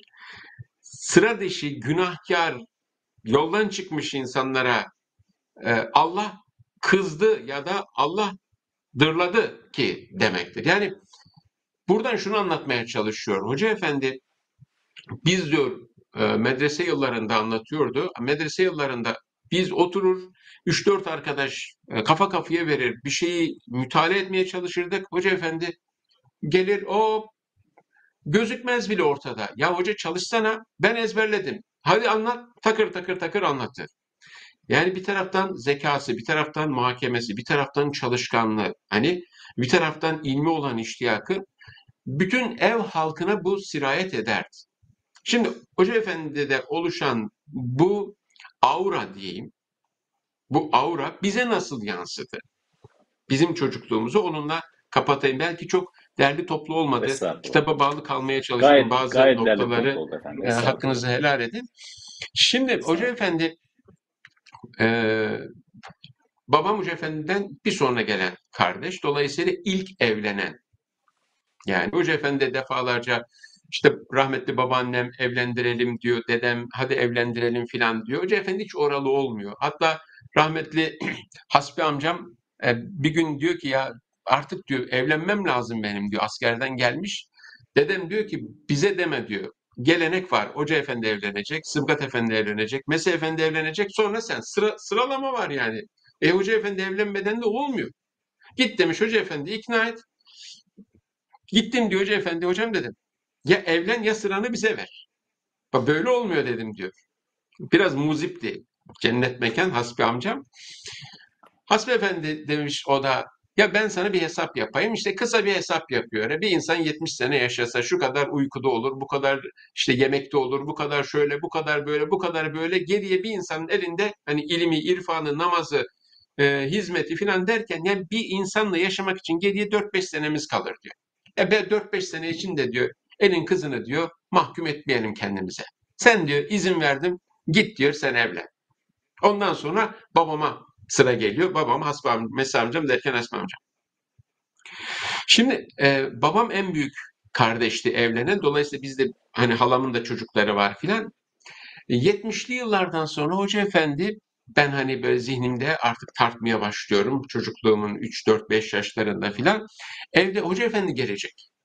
Hoca Efendi gelecek rüzgara esmeye başladığında evde bir bayram hazırlığı olurdu. Hani bunu şunun için söylüyorum. Bir ilim adamı yani sadece bir amcanın olmasının ötesinde bir hoca efendi gelecek imajı var. Bütün çocuklar, bütün gelinler, bütün kardeşler bu imajı beslerdi ve bunu samimi bir şekilde beslerdi. Hoca efendi ne yapalım? Camları silelim, duvarları silelim, temizlik yapalım. Ya hoca efendi bütün odalara girip buralar temiz mi? Hani asker kontrolü yapacak değil ki. Hayır ama. Böyle bir saygının evdeki tecellisi böyleydi. Biz bunu görürdük çocuklar olarak. Dolayısıyla Hoca Efendi gelecek deyince gözümüz, gözümüzde muhteşem bir devasa kamet belirirdi. Zaten gelince de harçlıklar falan verirdi. Gözümüz, gözümüzde beliren o şey ayrıca e, perçinlenirdi. Ah bir gelse de 3 lira, 5 lira, 10 lira harçlıklarımızı verse falan diye de. Allah ebeden razı olsun. Rabbim bol bereket versin. Şimdi bir odada oturulurdu mesela. Bir odada oturduğumuzda çocuklar hiç kimse rahmetli babaannem Belki gelirse amcası Nurettin dedem falan gelirdi hani. Onların dışında hiç kimse bir koltukta oturmaz. Herkes yere oturur, diz çöker. Kadınlar yaşmaklıdır, gözlerinin ucu gel gözükür ya gözükmez. Nefes almaya korkarlar. Saygıdan bunlar. Hoca efendi herkese ikramda bulunur, ihsanda bulunur, hediyeler verir, çikolatalar verir. Aslında çok sevecen, çok sempatiktir ama o, o ilmi heyecan öyle derin derindir ki bütün aileye sirayet eder, bütün köye sirayet eder. Uzaktan yakından herkes ya gel gelince bir uğrayalım, selam verelim, elini öpelim, duasını alalım hani diye. Bu bize böyle şey yansıdı. Şimdi eee, hani kitabı okuyan dostlarımız eee, bu havayı hissedeceklerdir. Yani Hoca Efendi'nin kimliğini ve kişiliğini öğrendikçe aile içerisinde kendi çocuklarına, kendi ailelerine hadi gelin bir Hoca Efendi konuşalım. Hoca Efendi'nin hayatından bahsedelim. Hoca Efendi'nin hayatı çünkü Kur'an ve sünnet hayatı. Çocuk hani 7'de neyse 70'inde oymuş dediğimiz e, insanlar vardır ya. Aynen öyle. 7'de neyse 70'inde daha da derinleşen, daha da ke- kemal kemale eren, kamil olan bir insandan bahsediyoruz. Biz biz onun küçük bir bölümüne tanık olduk. Şimdi eee, genç ben çocukluk yıllarımda işte 1980'de ben İzmir'e geldim. Hani eee, ve 80 ile 86 arası Hoca Efendi zaten hani eee, aranan bir dönem- dönemdi. Aranan dönem yakalandığında hani hapsedilecek, belki öldürülecek, faili meçhule eee, kurban gidecek hani öyle aranan bir insan ama Hoca Efendi annesini ziyaret etmekten hiç geri durmazdı. Şimdi bende oluşan anne muhabbetiyle benim çocuğumda oluşan anne muhabbeti arasında böyle bir fark var. Ben Hoca Efendi'de bunu gördüm. Yakalanma pahasına. Yakalandığı zaman ne olacağını hepimiz biliyoruz. Hani bu riski ala ala gecenin biri vakti gece, ya da e, işte gün doğmadan bir saatte bakıyorsunuz ki e, annesi neredeyse onu oraya geliyor, ziyaret ediyor, elini öpüyor, duasını alıyor, hayır duasını alıyor, ikramını, ihsanını yapıyor. Ondan sonra tekrar biniyor arabasına, e, arkadaşlarıyla beraber dönüp gidiyor. Şimdi ya da ta o dönemde bile yani babam aracılığıyla ya şu akrabalara bir bakalım, e, şunların ihtiyacı var mı, şunların yardıma ihtiyacı var, ne oluyor, ne bitiyor filan diye amcalarım ya da baba, babam aracılığıyla hısım akrabayı görüp, gözeten, kollayan, e, onların eğitimine e, önem veren bir yani arandığı dönemde ya- yaşadığımız şeyler bunlar. Dolayısıyla benim akraba sevgimle benim çocuklarımın akraba sevgisi arasında böyle bir fark var. Şimdi bunu anlayabilir, anlatabilirsek e, gidin işte mesela iki tane e, büyük hicret yaşamışız. 1878'de ve 1914'te iki dedelerim de yani Hoca Efendi'nin dedeleri de iki e, büyük hicret yaşamış. E, Osmanlı-Rus Savaşı'nda e, bir e, hicret yaşamışlar, geri dönmüşler. Sonra Birinci Cihan Harbi'nde bir hicret daha yaşamışlar. Sivas'a gidilmiş, e, Samsun'a gidilmiş, Yozgat'a gidilmiş, başka şehirlere gidilmiş. Oradan geri dönmüşler. Ama orada kalanlar da olmuş. Hoca Efendi derdi ki, oralarda kalan akrabalarımız varsa onları bulalım, onları bu kaynaklarla tanıştıralım, buluşturalım ta ki onlar da sırat-ı müstakimde, hidayette hayatlarını sürdürsünler. Şimdi bunları bilince e, insanların hala, halam kim, dayım kim, teyzem kim, teyzeoğlu hele bugünlerde kendisine omuz vermemiş, destek vermemiş diye filan hani e, ötekileştirdiği bu hısım akrabaya karşı daha bir şefkatli davranmak e, durumunda kalacaklardır. Niye? Çünkü rehberleri böyle yapmış. En zor zamanda bile en uzak yerdeki bir akrabayı hal hatır yani paralar göndermiş, pullar göndermiş, onları ihya etmiş filan değil. Ama zor zamanda nasılsın, iyi misin, bir ihtiyacın var mı diyebilme cesaretini göstermek insanlar arasında köprü kuruyor, bağ kuruyor. Ben bunu gördüm akraba hukuku açısından. Hatta Edirne yıllarında şunu anlatayım. Ee, bir hoca efendi bir gün bir kahvaltı sofrasına e, bir oda şey eve misafir olduğumuzda ben eve girdiğinde ben önüne bir çift terlik koydum. Bizim ev değildi, bir başka dostun eviydi. Bu terlikler kimin dedi. Dedim ki ev sahibinindir efendim dedim. Baktı şöyle ya dedi giymeyelim boş ver. Bu kadarcık da olsa kul hakkına girmeyeyim. Ya ev sahibi oraya davet etmiş, sofrasını açmış, mübarek adam. Yani e, tabii ki terliği de senden esirgeyecek değil. Ama bu ayrı bir titizlik. Sofraya oturduğumuzda şu cümleyi kurdu. Düşündü şöyle biraz. Elhamdülillah dedi. İnşallah kul hakkıyla ahirete gitmeyecek. Böyle bir titizliğini ifade et. Yani ta babadan gelen titizlik düşünsen inşallah 50-60 sene yaşamış Amerika'da hani olan bir hadiseydi bu. Sonra sofrada şu hadiseyi anlattı. Ben Edirne'de e, Edirne yıllarımdaydı dedi. E, zaten hani yemiyorum, içmiyorum e, filan hani param pulum da yok. Olanla da dergi alıyorum, kitap alıyorum, e, öğrenciye dağıtıyorum, büyük dağ alıyorum, bilmem ne yapıyorum filan hani. Olanla da günde bir sefer gidip çorba içerdim. O Edirne gibi bir yerde de alkol satmayan bir yer bulmak zordur. Bir yer bulmuştum dedi. Gittim gidiyorum orada arada bir çorba içiyorum. Bir gün orada adamın bir tanesinin masanın altından e, poşetten işte bir şişeyi çıkartıp içtiğini sonra tekrar orası satmıyordu ama adam dışarıdan getirmiş. Canım sıkıldı. Benim yemek yediğim yerde içki içilmez. Dedim böyle biraz e, kendi kendime de hayıflandım. Niye buraya geldim derken restoran sahibi dedik ya dedi bu adam var ya Erzurumlu dedi. Allah Allah dedi senin memleketinden diye hani Hoca Efendi kalktım gittim o adamın masasına oturdum. Hani ee, sonra neredesin? İşte Hasankale'li. Aa ben de Hasankale'liyim. Nereden? Korucuk'tan. Aa ben de Korucuk'luyum. Kimlerdensin? Filancalardan. Uzak akrabalardan bir tanesiymiş. Hal hatır sorduk filan. Yaşlıydı diyor o zamanlar. Fakat o orada içki içtiği için ben tekrar oraya gitmedim.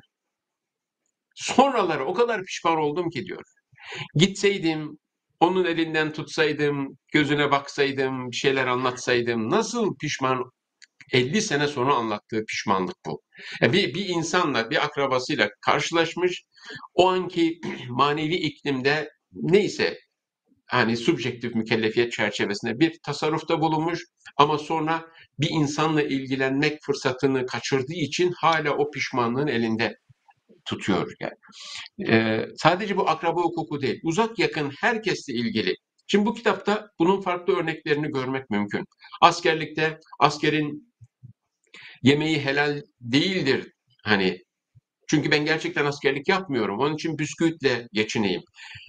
İskenderun'da aynı kanaatle az yiyip, az içip askerlik yaptığı için hastaneye kaldırılıyor. 15 gün kendinden geçiyor. Sonra diyorlar ki hava değişimine git sen biraz annem baban sana baksın. Rahmetli babaannem derdi ki geldi. Kapıyı açtık tanıyamadık. Öyle zayıflamış, öyle bitkin düşmüş. Sen kimsin? Sen Fethullah mısın dedim ya. Yani şimdi kursandan hani devletin bir kuruşu hak etmediği bir kuruşu geçmesin diye e, ta atadan ecdattan gelen bir gelenek, bir alışkanlık. E, buna Efe Hazretleri kat, buna diğer hocaların ilmi, irfanı karışınca ortaya böyle muhteşem bir cevher. Biz onu tanıdık mı ailesi? Yok. Kardeşleri Allah ebeden razı olsun. Herkesin derdi şuydu.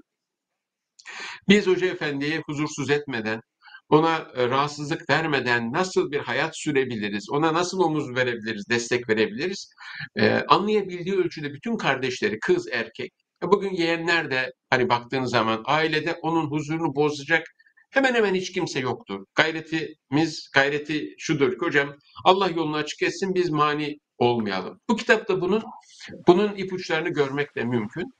Ee, velhasıl ben zannediyorum süremi doldurdum. Ee, biraz da dağınık oldu Barış abi. Yüksel Hocam bilmiyorum anlamlı şeyler söyleyebildim mi örnekleriyle? İsmail abi de beni Çok bağışlasın. güzel oldu hocam. Çok teşekkür ediyoruz. Allah razı olsun. Çünkü bazen söylenen tarihçi- sözlerden ziyade söylenen sözlerden sö- ziyade kimin söylediği de söze ayrı bir değer katıyor hocam. Yani bizzat yakınında bulunmuş bir insanın bu şahitlikleri yapması, bu hissiyatını, bu te- tecrübelerini anlatması e, ayrıca değerli. Çok teşekkür ediyoruz. Sağ olun. Estağfurullah. Estağfurullah. Ben Kemal teşekkür abi ederim. tekrar teşekkür ederiz. Ağzınıza sağlık. Yer yer Sağ olun e, Bey. birazdan Büyükçelebi ağabeyim şimdi mikrofon tutacağız. E, her ikinize de gerek Kemal Gülen Beyefendi'ye gerek Yüksel Şehiroğlu Beyefendi'ye ihtiyaçlarımız olacak. E, benim ille de model etmeme gerek yok. Bu hususta ben şunu istirham ediyorum sizlerden. E, hatırlatmanız gereken, değinmeniz gereken noktalarda mikrofon sizde, mikrofonlarınız açık. Ee, hemen söz almanızı ben buradan rica ve istirham ediyorum efendim. Bir cümle Şimdi- bir, bir cümle söyleyeceğim Buyurun. hocam müsaade ederseniz. Buyurun muhterem hocam. Lütfen. Şimdi e, Kemal Bey biraz önce çok güzel ifade etti. Hani Hoca Efendi'nin hayatında insanın inanmakta zorlanacağı bir hassasiyet, titizlik var. Ama bunu namaz hassasiyetinde görebilirsiniz. Yani işte ömrümde iki kere o güne kadar kıldığım bütün namazlarımı kaza ettim diyor Hoca Efendi. Ve ikisinde de fıkhen bir problem yok yani ama bir hassasiyetinden dolayı. İşte hastaneye gittiğinde biz namaz kılmak için nasıl uğraştığını, oruç tutarken ki Ramazan'da şeker hastası, onca hastalık doktorlar tutma demesine rağmen tutması, helal haram hassasiyetinde e, onlarca örneğini verebiliriz bunun. E, işte hizmet adına Hoca Efendi sürekli helmin me- mezit diyen bir insan. Yani sürekli daha daha daha yani hiçbir zaman mevcutla iktifa etmeyen, mevcutla iktifa dün himmetliktir diyen bir insan. Yani bunu e, imanda hakeza işte her gün imanınızı bir binayı tuğla tuğla söküp yeniden inşa etme gibi her gün söküp yeniden inşa edeceksiniz. Sürekli imanda tahkik. Yani imanda, ibadette, muamelatta, insani ilişkilerde o nezaketini, kibarlığını yani çoğu zaman hep insanın yani bu kadarı da olur mu dedirten bir insan. Hani günümüzde biz diyoruz ya tam tersi istikameti de var bunun. Ya dahası zulmedilebilir mi Türkiye'de? Ya dahasını yapabilirler mi? Yani bakıyoruz bunu da yapıyorlar. İşte bebekli kadınları hastaneye alıyorlar. İşte daha yeni doğum yapmış kadını alıp hastaneye götürüyorlar. Yani birileri sizi şaşırtıyor ama tam tersi istikametinde. Ya bu kadar da zulmedilir mi? Ya bu kadar da insanlara eziyet edilir mi? Yani tırnak içinde hani gavurun yapmayacağı şeyler Müslüman din kardeşi tarafından yapılır mı? Yani e, zulümde, baskıda, işkencede bu kadarı da olmaz diye hayret ettiğimiz insanlar beri tarafta ibadette, hizmette, imanda bu kadarı da olmaz denilen insana bunları yapıyorlar. Yani böyle Kemal abi konuşurken hatırıma bunlar geldi. Hakikaten insan inanmakta zorluk çekiyor ama e, oluyor maalesef. Evet Cenab-ı Hak tez zamanda inşallah e, zulümlerini, Amin. baskılarını nihayete erdirsin diyelim. Amin Hoca. Efendi'ye de sağlık, sıhhat, afiyet eylesin. Amin. Amin ya. Amin. Efendim North East Islamic, MC Euro ve Hizmetten YouTube platformu olarak ortaklaşa bugünkü programı sürdürüyoruz. Ee, bildiğiniz üzere Pırlanta Kitap Okumaları programımız ve ön plana çıkan kitabımızda bir fikir ve aksiyon insanı olarak Fethullah Gülen Hoca Efendi. Bu konuda müellifimiz Sayın Doktor Yüksel Çeyiroğlu bir aile ferdi yakından müşahede eden ve birlikte yaşayan, bu süreci de birlikte değerlendirmek ve dinlemek istediğimiz tarihçi hayatı kısmen de kısaca da olsa böyle özetleyen yaşadıklarıyla Sayın Kemal Gülen Beyefendi'den istifade ettik ve geçiyoruz bir diğer büyüğümüze ve şahidimize, canlı şahidimiz demek istiyorum. Burada bir kitap özetinden ziyade bugün kitapta neşredilen bazı başlıkları canlı şahitlerden dinleyelim istedik. Doktor İsmail Büyükçelebi ağabeyimize müracaat edeceğiz. Muhterem ağabeyim sizler de hoş geldiniz bir kez daha. Bir süre beklettim sizleri. Estağfurullah, estağfurullah. Hoş bulduk. Teşekkür ederim. Az önce Yüksel Hocam'ın da değindiği üzere e, birçok fikir insanına baktığımızda fikir yönü olabiliyor, ortaya çıkabiliyor. Aksiyon yönü bazılarında ağır basıyor. Ve ibadet hayatında çok abid yönü çok yüksek olanlar olduğu gibi bunların tamamının bir şahsiyette cem olması çok ender karşılaştırılan durumlar. E, bunu takdir makamı değilim haşa. Sadece anlamak için soruyorum burada. Şimdi kitabın telif edilmesiyle ilgili Yüksel Bey az önce daha çok ilmi yönünün, ilmi şahsiyetinin ön plana nazara verilmesini arzu ederek çıkardığını ifade etti. Fakat e, ilim bugün bilgisayarlarca da mevcut. Bir, bir kompütere yüklüyorsunuz, bütün ilim orada mevcut. Fakat beraberinde aksiyon ve abid yönü de dengede değilse burada bir takım sorunlar, arızalar da ortaya çıkabiliyor. Bu yönüyle bakıp biraz da Hoca Efendi'nin karakter ve şahsiyeti bölümlerini sizden dinlemek istiyoruz.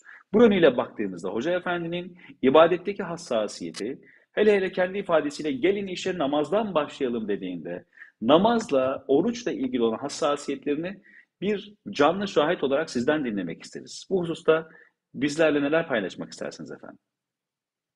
Estağfurullah, estağfurullah. Ee, Allah razı olsun. Ben evvela bütün dinleyicilerimize hürmetlerimi arz ederim. Ee, katıldıkları için de teşekkür Allah razı olsun. Çünkü e, bu mevzu bana çok mühim geliyor.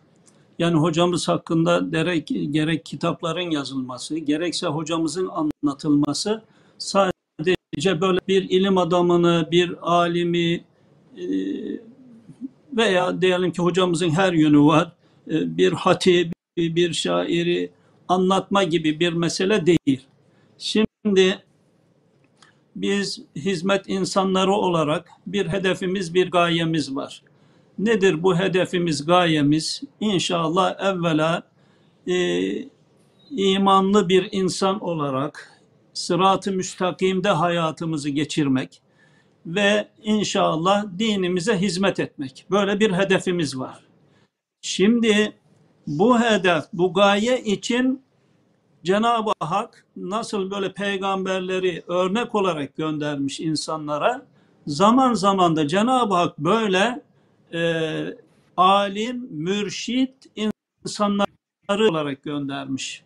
Şimdi hocamız bizim için bir numune. Yani şimdi hocamızın böyle güzel sıfatlarını e, öğrenmek, anlatmak, dinlemek bunlar sadece dinleyerek geçiştirilecek bir mesele değil. Bunlar bizim için çok mühim. Neden mühim? Şimdi burada kitapta bana göre e, bu Allah inancının başına da okunabilirdi. Çünkü burada anlatılan bütün sıfatları Hoca Efendi'nin bu yönüne tesir eden bir şey. Şimdi bir başlık bana çok mühim geldi böyle. Kitleleri harekete geçirebilmesinin altında yatan dinamikler diyor. Yani Hoca Efendi kitleleri harekete geçirmiş. Milyonlara tesir etmiş. Yani nedir bu tesir? Milyonların imanına hizmet etmiş. Artık bu milyonlar belki 50 milyonlar, 100 milyonlara da ulaşmıştır, ulaşacaktır Allah'ın inayetiyle. Şimdi ölüp gitmiş olanları, hayatta olanları, diğer milletlerden şimdi Hoca Efendi'yi tanıyan, seven ve Hoca Efendi'den etkilenen insanlar sadece Türkler değil ki. Allah'a şükür bütün dünyaya dağılmış. Hoca Efendi'nin eserleri 30-40 dile çevrilmiş elhamdülillah. Şimdi o yönleriyle düşündüğümüz zaman artık kim bilir kaç milyonlara bali olmuştur Hoca Efendi'nin faydalı olduğu, imanlarını takviye ettiği, İslami hayatlarını canlandırdığı ve Allah'ın izniyle, inayetiyle onları imana, Kur'an'a hizmet eder hale getirdiği insanların şimdi haddi hesabı yok. Şimdi bizim de hedefimiz bu. Biz de dinimize hizmet etmek istiyoruz. Bizler de yani bütün kardeşlerimizi kastediyorum yani. Bizler de çevremizdeki insanların imanlarının kuvvetlenmesine, İslami hayatlarının canlanmasına e, yardımcı olalım. Yeni yetişmekte olan gençlerin yetişmesine yardım. Yani bizim de böyle bir hedefimiz var. İşte gayemisi bu olan insanların örnek alacağı, izinde gideceği insan hocamız. Kısaca şöyle de özetleyebiliriz bakın. Allah peygamberimizi bütün insanlığa numune olarak göndermiş. Üstadımız Risalelerde bunu çok güzel anlatıyor. Hani bazı müşrikler ne melek göndermedi filan diye itiraz ediyorlar ya. Ve diyor zaman Hazretleri de melek gönderseydi melek onlara numune olamazdı ki diyor. Onlara örnek olabilmesi için insan olması lazım, yemesi lazım, acıkması lazım, efendim yürümesi lazım. Yani bir insan ancak insanlara örnek olabilir. Şimdi hocamız hayatı zaten kitap ve sünnet olan bir insan tek cümleyle bütün hayatı kitap ve sünnet. Ona göre yaşamış bir insan. Efendimizin izinden giden bir insan. Binaenaleyh şimdi biz hocamızın izinden takip ettiğimiz zaman dolayısıyla sünnet-i seniyeyi de Kur'an ahlakını da inşallah yaşamış olacağız. Ha şunu İnşallah. diyecektim esas. Ee, imana, Kur'an'a hizmet etmek insan isteyen bizlerin, arkadaşlarımızın örnek alacağı insan hocamız. Yani hocamız hangi sıfatlarıyla sevilmiş? Hani bizim kendimiz adına illa bizi sevsin insanlar değil bir derdimiz yok. Ama sen sevilmeyince senin sözün itibar görmüyor. Senin sözüne itimat edilmiyor, tesiri olmuyor.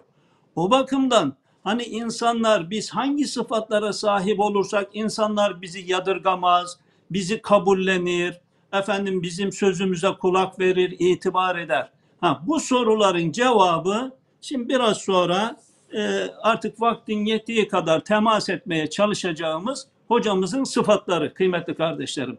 Yani sadece hocamızı tanımakla bitmiyor bu mevzudaki çalışmalarımız. Aynı zamanda bizi hizmetimiz adına e, başarılı olabilmek için nasıl bir hayat yaşamalıyız? Bu noktada bize bir ders veriyor, bir plan çizmiş oluyor yani. Şimdi burada Yüksel hocamız tabii ben kendisine çok teşekkür ediyorum. Allah razı olsun. Yüksel hocamız gibi bu mevzuda çalışma yapmış bütün kardeşlerimizi de çok seviyor. Hepsine teşekkür ediyorum. Çünkü biraz evvel dediğim gibi hocamızın tanınması sadece bir ilim adamının tanınması meselesi demek değil yani. Bu hizmetlerimizin kabullenilmesi hususunda çok mühim. Çok mühim. O bakımdan Allah razı olsun. Şimdi kıymetli kardeşlerim e, ben bu başlığı bir bakıma başa almış oluyorum. Şöyle diyor burada. Kitleleri harete, harekete geçirmesinin altında yatan dinamikler. Hocamız böyle milyonları nasıl harekete geçirdi? Bakın İslam tarihinde bunun ben bir numunesini bilmiyorum. Böyle vakıflar kurulsun, efendim ülke çapında, hatta dünya çapında eğitim faaliyetleri olsun, diyalog faaliyetleri olsun, efendim e, yardım faaliyetleri olsun. E, böyle bir şey yok yani. E, o bakımdan inşallah işte kitleleri, milyonları harekete geçirmiş. Peki neyle harekete geçirmiş? Nasıl bu kadar sevilmiş? Hangi sıfatlarıyla sevilmiş? İşte bunların başında kıymetli kardeşlerim elbette evvela hocamızın başta imanı var yani. Tabii bu imanı kazanmada biraz evvel Kemal Bey'in anlattığı gibi Hoca Efendi'nin Cenab-ı Hakk'ın ayarlaması bunlar. Böyle hakikaten e, tam böyle şuur altı yaşında, şuur altı biliyorsunuz 0-6 yaş arası yani. O yaşlardan itibaren Hoca Efendi'nin yetiştiği o aile çevresi ve o ailenin o zamanki e, ileri gelen meşayihle olmak üzere o zamanın büyükleriyle o ailenin irtibatı. O zamanın o büyük insanları hepsi gelmiş, gitmiş, Hoca Efendi'nin dedesinin misafirhanesinde misafir olmuş, babası onlara hizmet etmiş, Hoca Efendi onların arasında hep zaten hep büyüklerle oturur kalkarmış Hoca Efendi çocukluğunda da yani. Allah onu büyüklere öyle büyükleri sevdirmiş hep. O ortamda yetişmiş olması.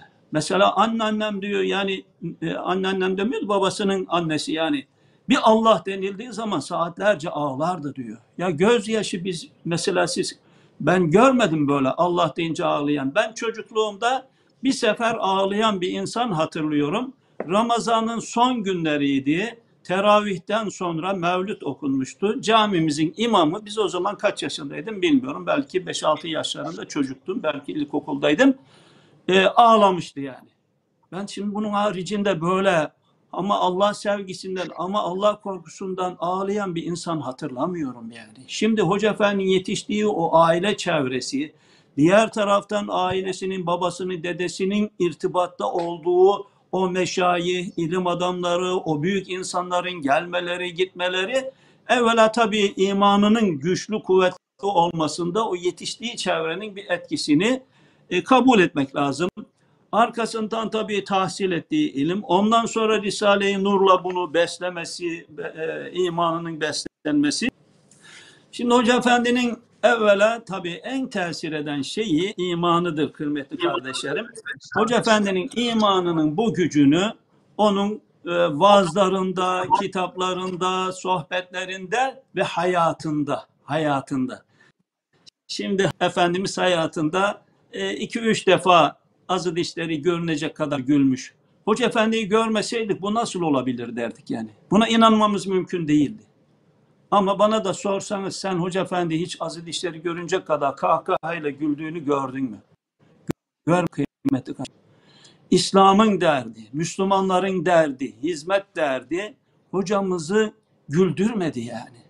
Hocamız bazen biz burada da kalırken Hoca Efendi'nin e, işte kaldığı oda ve kendi kaldığı yerde küçük bir salonu vardı. Bizim kaldığımız oda da oturup kalktığımız oda yani bitişik böyle.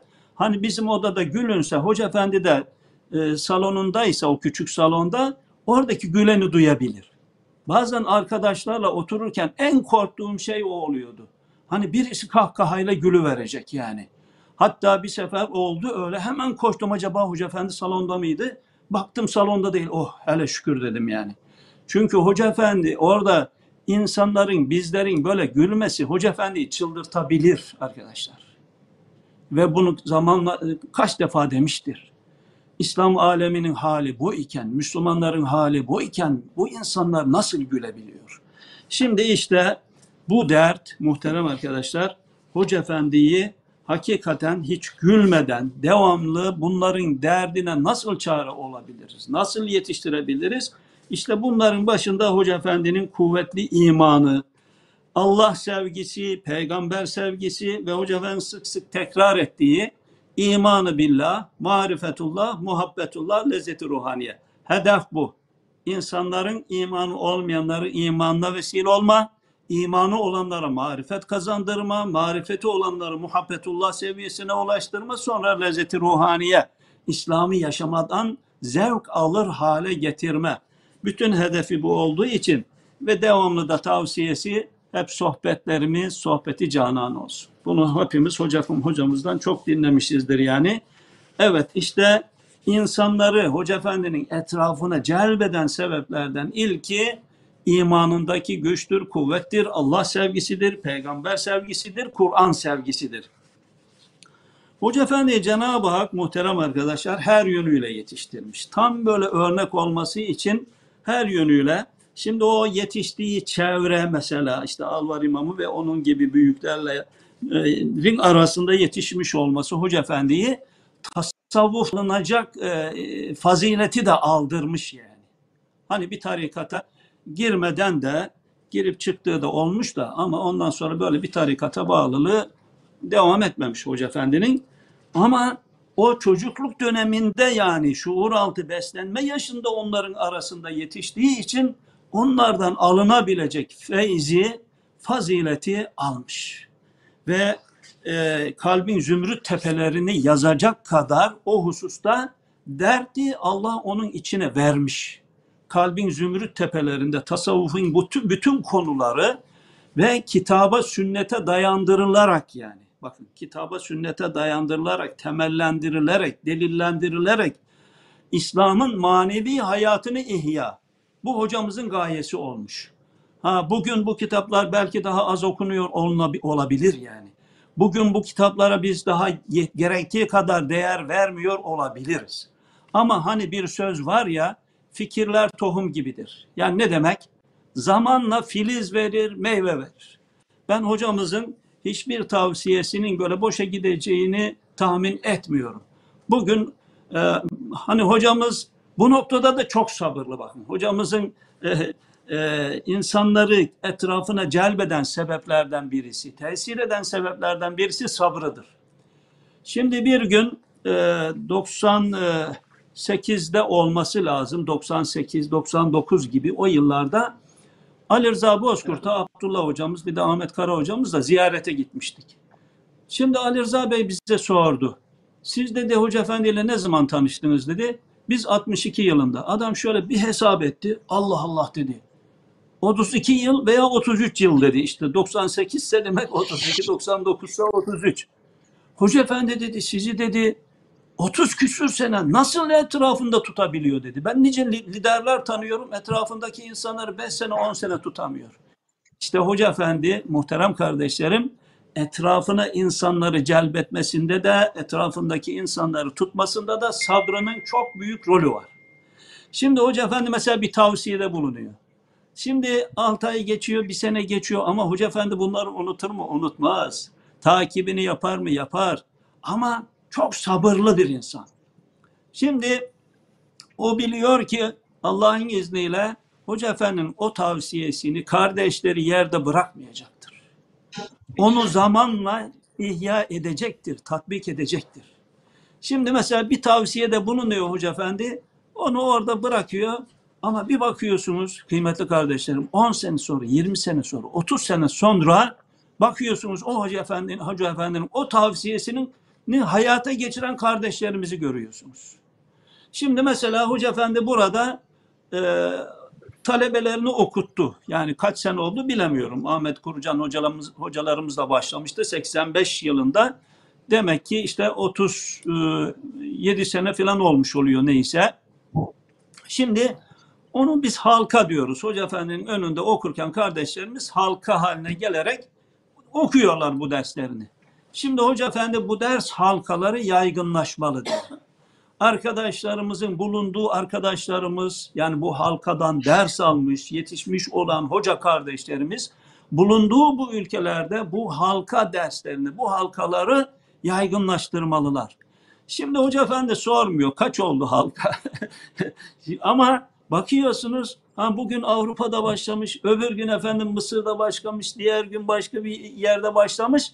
Ha işte hocamızın bu tavsiyeleri mesela şimdi burada hoca, Yüksel hocamız ona da yer vermiş. Hoca Efendi'nin ekolojiye bakışı diye de bir bölüm var burada. Ee, tabii ben onu okuyunca hatırladım. Şimdi Hoca Efendi arkadaşlar e, Allah'ın verdiği bir şey yani. Öyle bir sevgi var ki Hoca Efendi'nin kalbinde sadece Müslümanlara değil, sadece insanlara değil, yani hayvanlara karşı da bir sevgisi var, ağaçlara karşı da bir sevgisi var. Burada da anlatılıyor yani. Hoca Efendi bir sefer bir ağacı vur- vuruyor arabayla. Bir aralık kullanmıştı. O zamanlar pek şoför olmuyordu filan. Hoca Efendi kamptan Buca'ya gelen arkadaşlarımızı alıp getiriyordu filan. O esnada bir ağacı vurmuş. Ağacın dalı böyle ikiye ayrılmış ağaç belinden. Ondan sonra Yusuf abi anlatıyor işte onu burada. Onu biz kesecektik diyor. Hoca efendi ne yapıyorsunuz? Bir dakika dedi diyor yani. Onu kestirmedi diyor. Ondan sonra onu diyor yapıştırdı, sardı, toprak koyarak dedi devamlı geliyordu, suluyordu. Şimdi bir günde e, Erzurum'a gidiyoruz. E, Yozgat, Ercin, Erzincan arasında bir yerde böyle yol kenarında yeşillik bir yer var, ağaç var. Orada biraz Hoca Efendi e, bir mola verelim dedi. Orada biraz mola verdik. Ağacın altında oturuyoruz. Bir arkadaşımız, mübalağam yok, ağacın dalından şöyle kibrit çöpü kalınlığında bir yerinden şöyle kopardı. Bakın kibrit çöpü kalınlığında ağaç dalının ucundan kopardı. Hoca Efendi dedi niye dedi onu kopardın dedi. Hocam dedi gösterdi böyle işte kibrit çöpü kadar bir şey dedi yani ne olacak bunu koparmaktan der gibi yani. Hocam dedi "e, e, küçük kibrit çöpü gibi bir şey dedi. Hoca efendi elini alıştırma dedi. Bak şimdi enteresan değil mi? Elini alıştırma. Bugün küçüğünü koparırsın yarın büyüğünü koparırsın. Hoca efendi ve ağaçlandırmayı tavsiye ediyordu. Burada da var. Burada da var. Ben onu da bir gün Allah'ın izniyle hayata geçeceğine inanıyorum bakın. Aa, buraya yazılmış ya. Askerden terhis olan bir ağaç diksin, okuldan mezun olan bir ağaç diksin, ha- hafızlığını bitiren bir ağaç diksin böyle yaygınlaştığı zaman bir zamanlar Hoca Efendi muhterem arkadaşlar bunu başlatmıştı. Ama ne yazık ki devam ettirilemedi. Zaman gazetesi bir ağaçlandırma yapmıştı İstanbul'da. O zamanki arkadaşlar onu bilir yani.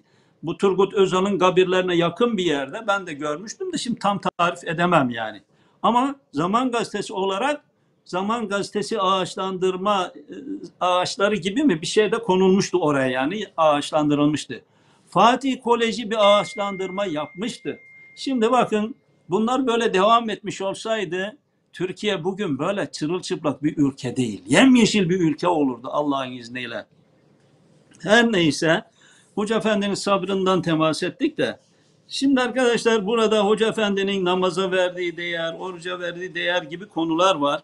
Ben namaza verdiği değerle alakalı bir şey anlatmak istiyorum. Hoca Efendi bazen muhterem arkadaşlar bir yere gidip geliyor. Mesela hastaneye gidip geliyor. Tabi bilhassa hastaneye gittiği günler Hoca Efendi çok yoruluyor. Şimdi bilhassa Amerika'da size mesela 9'da diye randevu veriyorlar ama siz 9'da hemen doktora görüneceksiniz manası gelmiyor bu. Herkese 9 diyorlar. Sonra Evet hocam. herkes geliyor oraya. Oraya sıraya gir. Mesela doktora girinceye kadar orada bir saat oturuyor hoca efendi mesela. Doktora gir diyor filmi vesairesi derken e, orada namaz vakti girmişse gidiyorsunuz bir namaz kılıp geliyorsunuz filan tekrar dönüp geliyorsunuz derken o gün hoca efendi çok yorgun oluyor. Şimdi geliyorsunuz Mesela öğle namazı kılmadınız, öğle namazı kılıyorsunuz. Ve inanın e, o gittiğimiz yerlerde de ben hadi varınca kılarız gibi Hoca Efendi'nin namazı böyle gece bıraktığını da hatırlamıyorum yani. O hastanelerin mescitleri oluyor. Gidiyorsunuz orada mescidinde kılıyorsunuz. Veya çıkıp orada bir camisi, yakın bir cami varsa orada kılıyorsunuz. Ama geldiniz şimdi mesela diyelim ki ikindi namazına yarım saat var. Hoca efendi böyle oturduğu yerde oturamıyor artık yorgunluktan arkadaşlar. Böyle başı gidiyor. Ve sık sık soruyor ne kadar kaldı namaza? Biraz geçiyor, geçiyor, geçiyor. Ne kadar kaldı namaza? Beş dakika geçmiyor soruyor. Hani namazı geciktirmeyelim. Orada dene, diyebilir yani. Ben çok yorgunum biraz istirahat edeyim. Siz beni bir saat sonra tıklatın. Zaten kendi saatini kurar kalkar da. Bir saat sonra kılalım diyebilir yani. Ama bakın o en yorgun böyle hasta hallerinde de bunu devam kaç defa görmüşüzdür yani. O hasta hallerinde de böyle zor zor zor o vaktin girmesini bekliyor. Ondan sonra vakti girer girmez namazını kılıyor ondan sonra muhterem arkadaşlar. En zor, en yorgun günlerinde bile, o yolculuk anlarında bile hadi biraz sonra kılıverim, yarım saat sonra kılarız bir saat. Yok yani Hoca Efendi'nin işesinde bu yok yani. Hoca Efendi'nin ilk işi kaldığı yerde de bu böyledir yani. Kaldığı yerde her namaz vakti saat kaçta kılınacak bellidir. O saatte Hoca Efendi çıkar, namazlar cemaatle kılınır. Bir de şunu hat- e, anlatmak istiyorum. Bir de Hoca Efendi'nin rahmetli babasının bir nüktesi de var burada. Hoca Efendi muhterem arkadaşlar e, 80'e kadar e, hatimle namaz e, kıldırmıyordu. Bulunduğu yerlerde kendisi kıldırıyordu hep teravihleri. Ama her rekatta ortalama böyle yarım sayfa okuyacak şekilde okurdu yani. Uzun uzun okuyarak kıldırırdı. E, tabii bir de yavaş okuduğunu düşününce o hatimle teravihten aşağı kalmıyordu yani. Şimdi bir gün Hoca Efendi babasıyla beraber 40. hocamızı ziyarete gidiyorlar. Onun medresesinde o gün de Ramazanmış. Belki 40. hocamız iftara davet etmiş olabilir yani. Neyse e, teravih kılınacak. 40. hoca e, Hoca Efendi'yi buyur ediyor. Hoca Efendi'yi imam, imamlığa geçiriyor. Şimdi 40. hoca ile Hoca Efendi'nin babası Ramiz amcamız, Ramiz hocamız yan yana teravih kılıyorlar. Şimdi teravihin ortalarında tabi Hoca Efendi böyle e, uzun okuyor ya böyle yarımşar sayfa gibi her rekatte bir de ağır okuyor tabi. Şimdi selam verip de salavat getirilirken Ramiz Efendi, Hoca Efendi'nin babası 40. hocaya eğiliyor kulağına. Ya diyor siz bu hocaya diyor İhlas suresini, Kevser suresini öğretmediniz mi diyor. yani hep böyle uzun uzun okuyor. Bu kısa sureler niye okumuyor gibi. Rahmetli öyle bir nükte de yapıyor. Ve 80'den sonra da arkadaşlar Hoca Efendi zannediyorum e, 5-6 sene belki 7 sene devamlı hatimle kıldırdı teravihlerini. Ben Hoca Efendi'nin hafızlığının o kadar pişkin olduğunu da bilmiyorum. Gerçi o senelerde esas tam pişirmiş oldu hafızlığını. Allah ebediyen razı olsun. Hoca Efendi her noktada bizim rehberimiz. O günlerde ben, ben e, hani Hoca Efendi gizli kalıyor. Biz de birkaç kişi yanına girip çıkıyoruz. Uzun uzun o gecelerde oturuluyordu böyle. Karanlıkta tabii ışık yakamıyorsunuz filan neyse. İsmail Efendi hafızlığı ne yaptı? Bu vesileyle o Hoca Efendi'nin o tavsiyesini de söylemiş olalım. Ben bir şey diyemiyorum. Hafızlık filan kalmadı. İsmail Efendi hafızlığı ne yaptın? Sonra anladı o. Bizde hafızlık filan kalmamış. Bana dedi ki ferdi namazlarında hatme devam edeceksin dedi. Başka türlü hafızlık muhafaza olmaz. Elhamdülillah başladık öyle arkadaşlar. Zaman zaman da sordu devam ediyor musun? Nereye geldin? Devam ediyor musun? Nereye geldin? Belki 20-25 sene 30 sene sormuştur. Allah razı olsun. Mesela e, Ramazan neredeyse her Ramazan'da sormuştur. Bu Ramazan'da sormadı yalnız. Geçen sene Ramazan'da da sormuştu. Hatimle kıldırabildin mi, teravihi kıldırdın mı diye. E, yani her yönümüzle bizi böyle takibe almış. Allah ebediyen razı olsun. E, elhamdülillah. Kitapta ön plana çıkan birçok başlık vardı hocam. O canlı şahitlerden birisi Evet. olarak yine Gerçi zaten size sormak için bir 18 madde hazırlamıştım. Bir 5-6 tanesini Oo. zaten dinledik sizden. Ee, süre çok önemli değil, çok takılmayalım ama Bir Bursa hatırası var yaşadığınız. Ben özellikle hatıraların da biraz ön plana çıkmasını istiyorum. O hatırayı bir istirham edeceğim sizden. Çünkü orada bir helal haram hassasiyeti de var. Buraya da değinelim. O he- helal haram hassasiyetlerinin noktasında da yaşadığınız, müşahede ettiğiniz bir konu var. Bursa hatırasıyla beraber bunu da bir dinleyebilir miyiz efendim sizden? Estağfurullah, estağfurullah. Tabii tabii. Muhterem arkadaşlar, 79 veya 80 olabilir yani. İhtilalden önce yani. 80 ihtilalinden önce ama o sene ama bir sene daha önce onu İzmitli kardeşlerimiz iyi bilir. Bir yaz böyle Ramazan, Ağustos böyle en sıcak bir mevsim. İstanbul'dan Hoca Efendi ile çıktık, İzmit'e geldik. Ee, İzmit'te bir e, yurt temeli atılacaktı. Bir tarlanın ortasında. Orada bir köy vardı. Köyün ismini şimdi tam hatırlayamıyorum. O köye giderken böyle yolun solunda bir tarlanın içinde. Tarlanın içinde de hiç ağaç yok. Yani o tarlayı vermiş bir abimiz. Orada yurt yapılacak. Şimdi tabii bütün İzmit'ten ve İzmit'in kazalarından belki Adapazarı'ndan da gelenler olmuştur o gün. Hoca Efendi oraya gelecek diye toplanmış insanlar hepsi. Hoca Efendi o sıcağın altında o tarlanın göbeğinde önce on, orada bir sohbet etti muhterem arkadaşlar. Tabii biliyorsunuz Hoca Efendi sohbetleri bir saat ortalama bir saat. Bir saat orada güneşin ortasında sohbet etti yani. Ondan sonra orada temel atma merasimi, o temel atıldı neyse namaz kılındı filan. Oradan Bursa'ya geçtik. Bursa'ya e, vardık. Ondan sonra artık orada tabii Hoca Efendi'yi karşılıyorlar. Hoca Efendi'yle oturuluyor, kalkılıyor, sohbet vesaire. Akşam oldu. Hoca Efendi akşam e, tabii biz yaz günü böyle çok sıcak bir mevsim. Tabii hem acıktık hem e, susadık neyse artık iftarı böyle iple çekiyoruz. İftar zamanı oldu. O zaman kulaklar çınlasın Vehbi hocamız Bursa'da. Vehbi hoca bizi Hoca Efendi hocam buyurun iftar edelim dedi. Hoca Efendi e, teşekkür ederim Allah razı olsun. Ben yemeyeceğim siz buyurun yiyin dedi. Allah Allah biz şaşırdık. Tabii Hoca Efendi yemeyince biz de yiyemedik.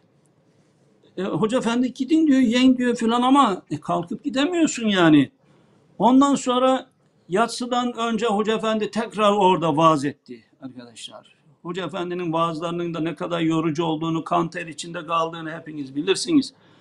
Ondan sonra teravih kılındı. Tabii gece kim bilir saat yaz günü kaç oldu bilmiyorum ama en azından 11 11'i geçmiştir mutlaka belki 12. Sonra teravih kılındı, cemaat dağıldı. Artık biz de yola çıkacağız. Vehbi Hoca tekrar e, mahfile davet etti. E, bu hocam mahfile çıkabilir miyiz filan. Neyse çıktık. İki tane sofra hazırlanmış. Yer sofrası böyle yuvarlak. E, hocam buyurun. E, ben yemeyeceğim. Arkadaşlar buyursunlar. Allah Allah. Biz bu sefer temelli mahvolduk. Yani acımızdan ölüyoruz. Ee, ondan sonra Vehbi Hoca ısrar ediyor. En sonra Vehbi Hoca dedi ki arkadaşlar, hocam dedi bu sofradaki şeylerde dedi yurttan hiçbir şey yok dedi. O zaman orada küçük bir yurt var. Vehbi Hoca aynı zamanda yurdun müdürü. Yani Hoca Efendi'nin neyi yemediğini o zaman anlamış olduk tabii yani. Hani yurdun yemeklerinden getirilmiştir diye Hoca Efendi. Hepiniz biliyorsunuz arkadaşlar. Hoca Efendi Kestane Pazarı'nda 5 sene kaldı. Ve o kadar güzel yemekler çıkıyordu ki. Ama o güzelim yemeklerden Hoca Efendi bir lokma almadığını söylüyor yani. Almamıştır yani. Hatta muhterem arkadaşlar Hoca Efendi Kestane Pazarı'nda bunun devamı var anlatacağım. Ama antiparantez satırıma gelmişken şimdi Kestane Pazarı'nın camisi var, yurt var. Yan yana bitişik tabii. Caminin tuvaletleri, abdest alma yerleri yurdun tuvaletleri, abdest alma yeri, çocukların kullandığı abdest alma tuvaletleri ayrıdır.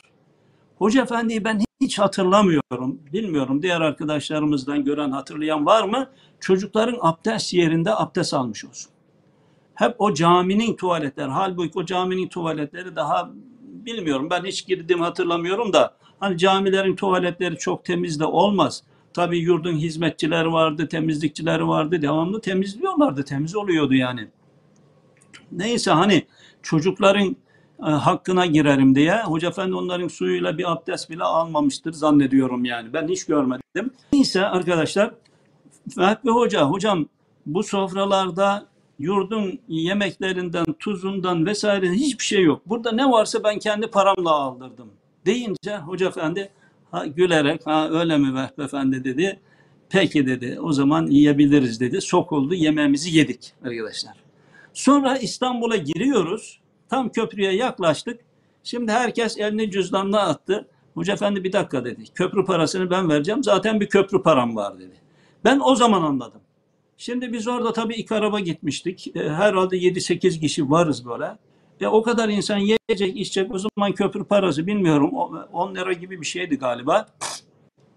Şimdi Hoca Efendi oraya 10 lira verse o kadar insanın yediğini içtiğine o da uygun olmayacak. E, Hani bazen şu oldu yani. Diyelim ki e, Ankara'ya geliyordu Hoca Efendi. Orada Samanyolu Koleji'nde yemek yenilecek.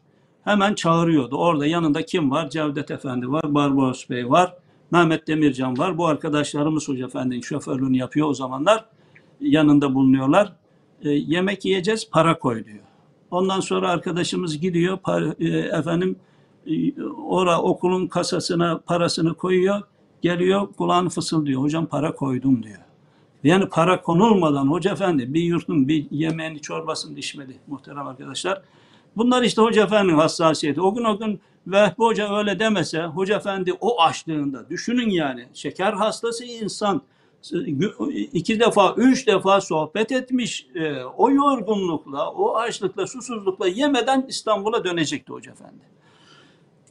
Evet e, böyle şahit olduğumuz o ayakkabı silme hadisesi de hatırlatayım değerli hocam sizlere. Evet. Evet buyurun onu, onu hatırlayalım. Ardından başka bir başlık hatırlatacağım hocam size. Evet. Şimdi bir gün Yusuf Yusuf abimiz vardı. Pehlivan Yusuf derdik. Böyle boylu, postu biraz daha hakikaten pehlivan yapılı bir abimizdi. Allah rahmet eylesin.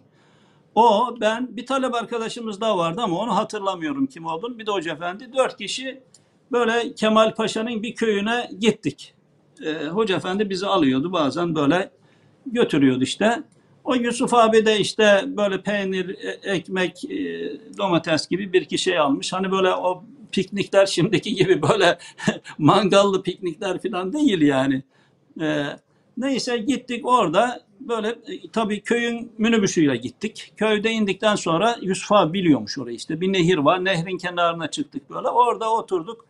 İşte o getirdiği şeylerden yedik içtik. Ondan sonra namaz kıldık biraz sohbet ders. Ondan sonra dönüyoruz. Dönerken nehrin kenarından geldik böyle. Nehrin kenarında böyle yürünecek kadar boş yer var çayın kenarında. Oradan çayın kenarından yürüyerek geliyoruz. Bir yerde su oymuş böyle. Çayın kenarından geçmek mümkün değil. Mecburen tarla içine çıktık. Şimdi tarla içinden yürüdük o yeri geçmek için. Yürürken bir tarladan öbür tarlaya geçme durumu oldu. Bir tarladan öbür tarlaya geçerken abi baktık. Hoca efendi ayakkabılarını çıkardı muhterem arkadaşlar. Ayakkabılarını böyle vurdu, silkti, silkti böyle. Ondan sonra altını, toprağını böyle. Biz de birbirimize bakınıyoruz orada. Sonra hoca efendi bize döndü. Niye dedi merak e, şaşırdınız dedi yani. Şimdi dedi benim aya benim ayakkabımla dedi bu tarlanın toprağı bu tarlaya geçse dedi Allah sormayacak mı zannediyorsunuz dedi. Evet, Hoca Efendi'deki kul hakkı muhterem arkadaşlar, haram helal hassasiyeti böyle. Buyurun Barış Bey bir şey hatırlatacağım diyordunuz. Evet. Ee, özellikle hocam tabii kitleleri e, hem böyle harekete geçirme hem de kendisine bağlayan bir yönü var. Şimdi az önce 30 küsür yıldan bahsettiniz 90'lı yıllar için. E, bugün 40, 50, 60 yıllardan bahseden büyüklerimizi duyuyoruz. E, bu, bu iksir ne hocam? Yani insanlarla nasıl bir iletişim kuruyor? Bunların, bağışlayın beni, o dönemdeki talebelerinin hiç mi hataları olmuyor? Onlarla iletişimde kullandığı bir üslup, bir dil var. E, küçük büyük herkese beyefendi mi diyor, isimle mi hitap ediyor? O, oradaki bir sihri anlamak istiyorum muhterem hocam. Onu bir dinlemek isteriz sizden. Allah razı olsun. Güzel bir mevzu hatırlattınız. Şimdi muhterem dinleyici kardeşlerim, Hoca Efendi'nin evvela en büyük hususiyeti e, insanlara değer vermesi. Bu sadece etrafındaki değil. Hoca Efendi herkese değer vermiştir. Yani Müslümanlara da değil yani e, bütün insanlığa değer veren bir insan. Şimdi biz Kestane Pazarı'nda işte İmam Hatip'te talebeyken Hoca Efendi geldi. Hatta ben daha İmam Hatip'in orta kısmını dışarıdan imtihan veriyordum. Daha orta kısmını bile bitirmemişiz yani. Şimdi e, biz tabii Kur'an kursunda falan okuduğumuz için ben o zamanlar e, 17 yaşlarında 17-18 gibi falan belki yaşım vardı. Ama bu arada mesela Vehbi Hoca gibi bizim İbrahim Kocabıyık gibi arkadaşlarımız daha 12 yaşında ilkokulu bitirmiş gelmişler. Hoca Efendi kıymetli kardeşlerim ben hiç hatırlamıyorum Vehbi desin, İbrahim gel desin. Yani daha 12-13 yaşlarında e, hazırlıkta okuyorlar yani. Hazırlıkta okuyorlar daha İmam Hatip'in birine bile bağışlamamışlar. Hoca Efendi bu arkadaşlarımıza mesela Abdullah dememiştir hiç. Abdullah Hoca demiştir. İbrahim Hoca demiştir. Vehbi Hoca demiştir. Bana neyse İsmail Efendi derdi. Hoca Efendi bizim tam hoca olamayacağımızı bildiği için herhalde. Estağfurullah. Estağfurullah. Şimdi Hoca Efendi muhterem arkadaşlar kendi mesela mutfağında çalışan yani kendi özel mutfağı yok ama şimdi kaldığı yerde diyelim ki e, kampta mutfakta çalışan aşçı var, bulaşıkları yıkayan, oraların temizliğini yapan arkadaşlarımız var. Bunlara bile Hoca Efendi hep bey diye hitap etmiştir. Yani hepsine insanlara değer vermesi Barış Bey bu çok mühim bir. İkincisi muhterem arkadaşlar Hoca Efendi hani biz hepimiz köyde kentte yetişmiş insanlarız yani. Ee, görgü yönüyle olsun, ondan sonra Hoca Efendi'nin verdiği vazifeler yönüyle olsun, eksiğimiz gediğimiz yok mu? Dünya kadar. Ama Hoca Efendi bir günden bir güne hiçbirimiz görmemiştir. Ahmet sen o işi neye yapmadın? Mehmet şunu yaptın mı? Böyle hesaba çeker gibi yapmamışsa neye yapmadın? Veya yapılmayacak bir şey yapmışsa neye onu yaptın? Şimdi mesela Hoca Efendi diyelim ki bana bir vazife vermişti. Ben de olmamışım, unutmuşum veya ihmal etmişim her neyse. Mevzu oraya gelip de benim yapmadığım ortaya çıksa Hoca Efendi hemen orada mevzuyu değiştirmiştir yani. Hemen oradan başka bir mevzuyu atlayıverdiğini görürsünüz bakın. Yani insanlara katiyen muhterem arkadaşlar hatasını, eksiğini, gediğini yüzüne vurmamıştır. Bir, bakın çok mühim. Diğer bir mesele, şimdi mesela çok varlıklı abilerimiz var, bir de az varlıklılar var. İmkanına göre daha çok yardım eden, daha çok efendim himmet eden insanlar var değil mi? Hoca Efendi'den bir günden bir güne duymamışızdır. Ya şu arkadaşımızın hali vakti çok iyi ama imkanına göre himmet etmiyor. Bakın. Şimdi imkanına göre aşırı cömert abilerimiz, kardeşlerimiz var. Bir de biraz az verenler de vardır değil mi yani? Bunlar. Ama bir günden bir güne ya şu arkadaşımız neden e, imkanına göre himmet etmiyor? Şu arkadaşımız şimdi bir kısım abilerin evinde çok gidilmiştir. Allah rahmet eylesin. Şimdi Kervancı abimizin hanımı vefat etti. Ee, en çok yemeği yedilen insandır yani mesela yani. Şimdi evinde çok misafir ağırlayan abilerimiz, çok yemek yenilen abilerimiz de vardır. Evinde biraz az yemek yenilen, az misafir alan abimiz de vardır. Hoca Efendi'den bir gün duymamışsınızdır yani. Şu arkadaşımızın evi de müsait, imkanları da var ama neden az misafir alıyor mesela? Şimdi herkesin yaptığını Hoca Efendi'nin hoş görmesi bak. Kimisi çok cömert, çok fazla veriyor. Kimisi biraz az veriyorsa onu hiç Hoca Efendi kafaya takmıyor yani. Neden az veriyor? Şimdi yani hoşgörüsü bu. Hoca Efendi'nin hoşgörüsü bu meselelerde de böyle aşkın bir hoşgörüsü var yani. Evet. Barış Bey ben Ee, esas bir de şeyi anlatmak Evet. isterim. Buyurun. Buyurun hocam. Hani Hoca Efendi'nin şu hayvanlara da verdiği değer açısından bu inanılmayacak. Hani yaşamamış olsak inanılmayacak bir hadise. Şimdi bir gün Hoca Efendi'nin kaldığı yerdeyiz. Çeşme diye bir evde kalmıştı Hoca Efendi. Mahallenin adı Çeşme Mahallesi. Çeşme'deyiz. Bizim İbrahim Koca Bey, koca çıktı geldi yanında bir arkadaşla. Hoca Efendi, o da o zaman Buca'daki eskiden Hoca Efendi ile beraber kamp yaptığımız yerde kamp var. İbrahim Hoca başında çocukların. O zaman Hoca Efendi artık orada kalmıyor. Ta kampta çocukların başında kalmıyor da İbrahim Hoca kalıyor. İbrahim hocam hoş geldin hayırdır dedi. Hocam dedi orada bir e, mandıra vardı. Hemen bizim o kamp yaptığımız yerin bitişinde mandıra var. Mandıra kapandı dedi. Mandıra kapanınca tabii mandıranın suyunun aktığı böyle bir arık var. Yani mandırada kullanılan sular oradan akıyor gidiyor. Mandıra kapanınca dedi o su arkından dedi bir sinek oluştu bir sinek oluştu dedi. Ee, kampı devam ettirmemiz çok zor dedi. Acaba sineklere ilaç atabilir miyiz? Bakın bu da işte Hoca Efendi'nin yetiştirdiği talebeler bunlar yani. Sineğe ilaç atacak hocasına soruyor. Ve Hoca Efendi ne dese iyi muhterem arkadaşlar. Bize dedi bir gidip bakın gelin bakalım dedi.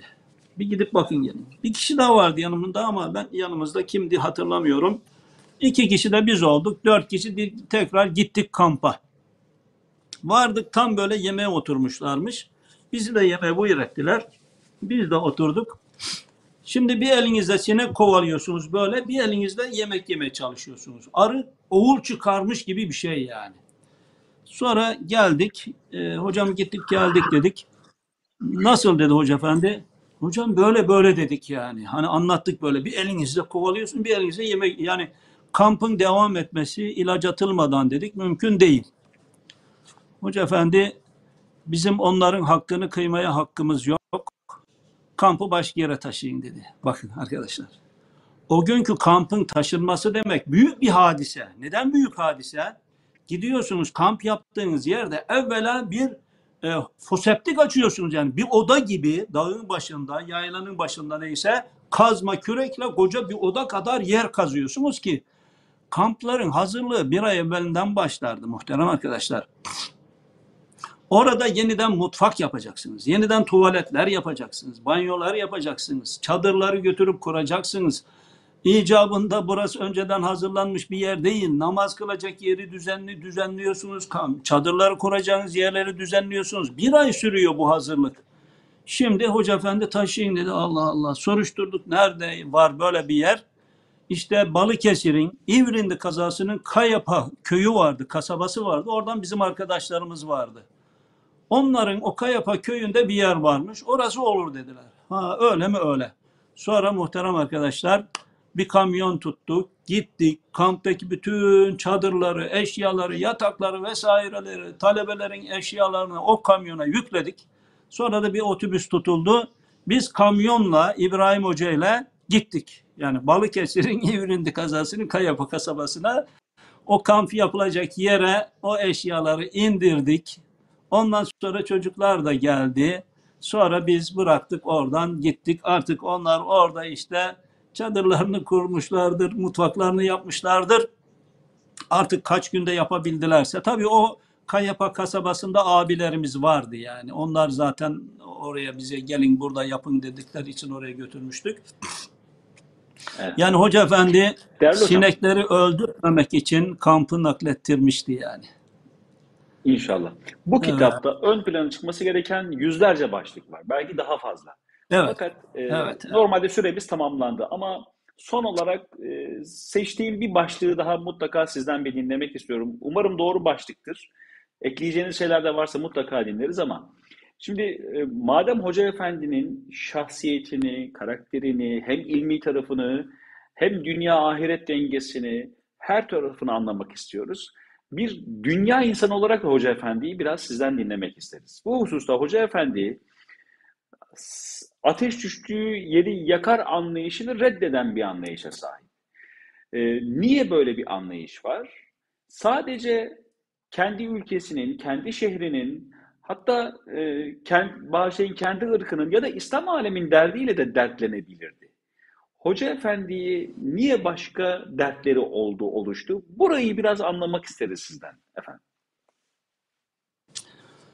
Şimdi tabii bu e, bizim anlayabileceğimiz şey değil de o Hoca Efendi'nin o yönünü anlayabilmek için e, işte Hoca Efendi gibi mi olmak lazım diyelim. Şimdi mesela Efendimiz sallallahu aleyhi ve sellem iki, iki tane ayeti kerime var. لَعَلَّكَ بَاخِعُنْ نَفْسَكَ اَلَّا يَكُونُوا müminin. İman etmeyecekler diye neredeyse kendini kıyacaksın Habibim diyor yani. Kendini öldüreceksin neredeyse. Yani bunlar şimdi Hoca Efendi iman etmeyecekler diye, Hoca Efendi diyorum Efendimiz sallallahu aleyhi ve sellemin iman etmeyecekler diye bu kadar üzüldüğü insanlar kimler?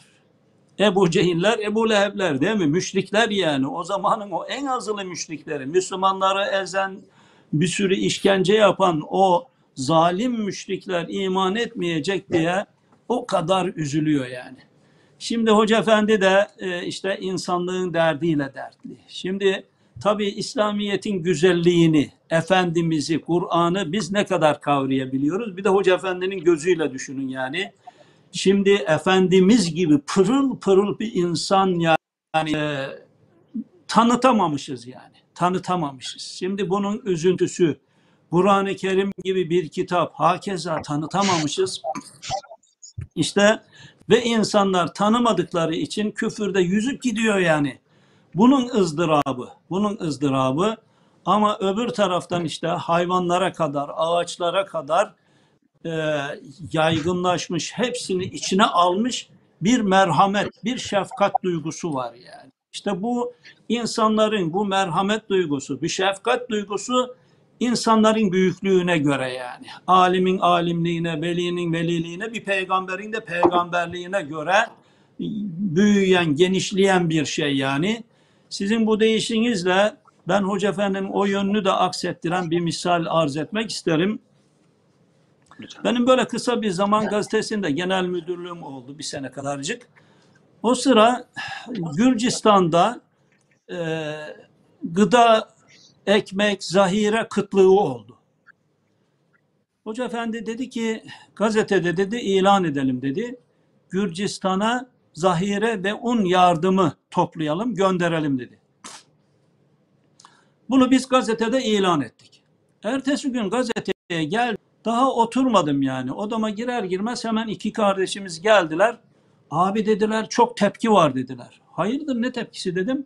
İşte Gürcistan'a zahire un yardım yapacağız diye kampanya açtık ya dedi. Telefon üstüne telefon. Ya hadi işte Irak'taki peşmergeler için yardım topladık tamam. Müslüman kardeşlerimiz efendim Arnavutluk'takiler için işte iç harp oldu onlara yardım topladık tamam. Müslüman kardeşlerimiz. Şimdi bir de Hristiyanlara mı yardım edeceğiz diye dedi.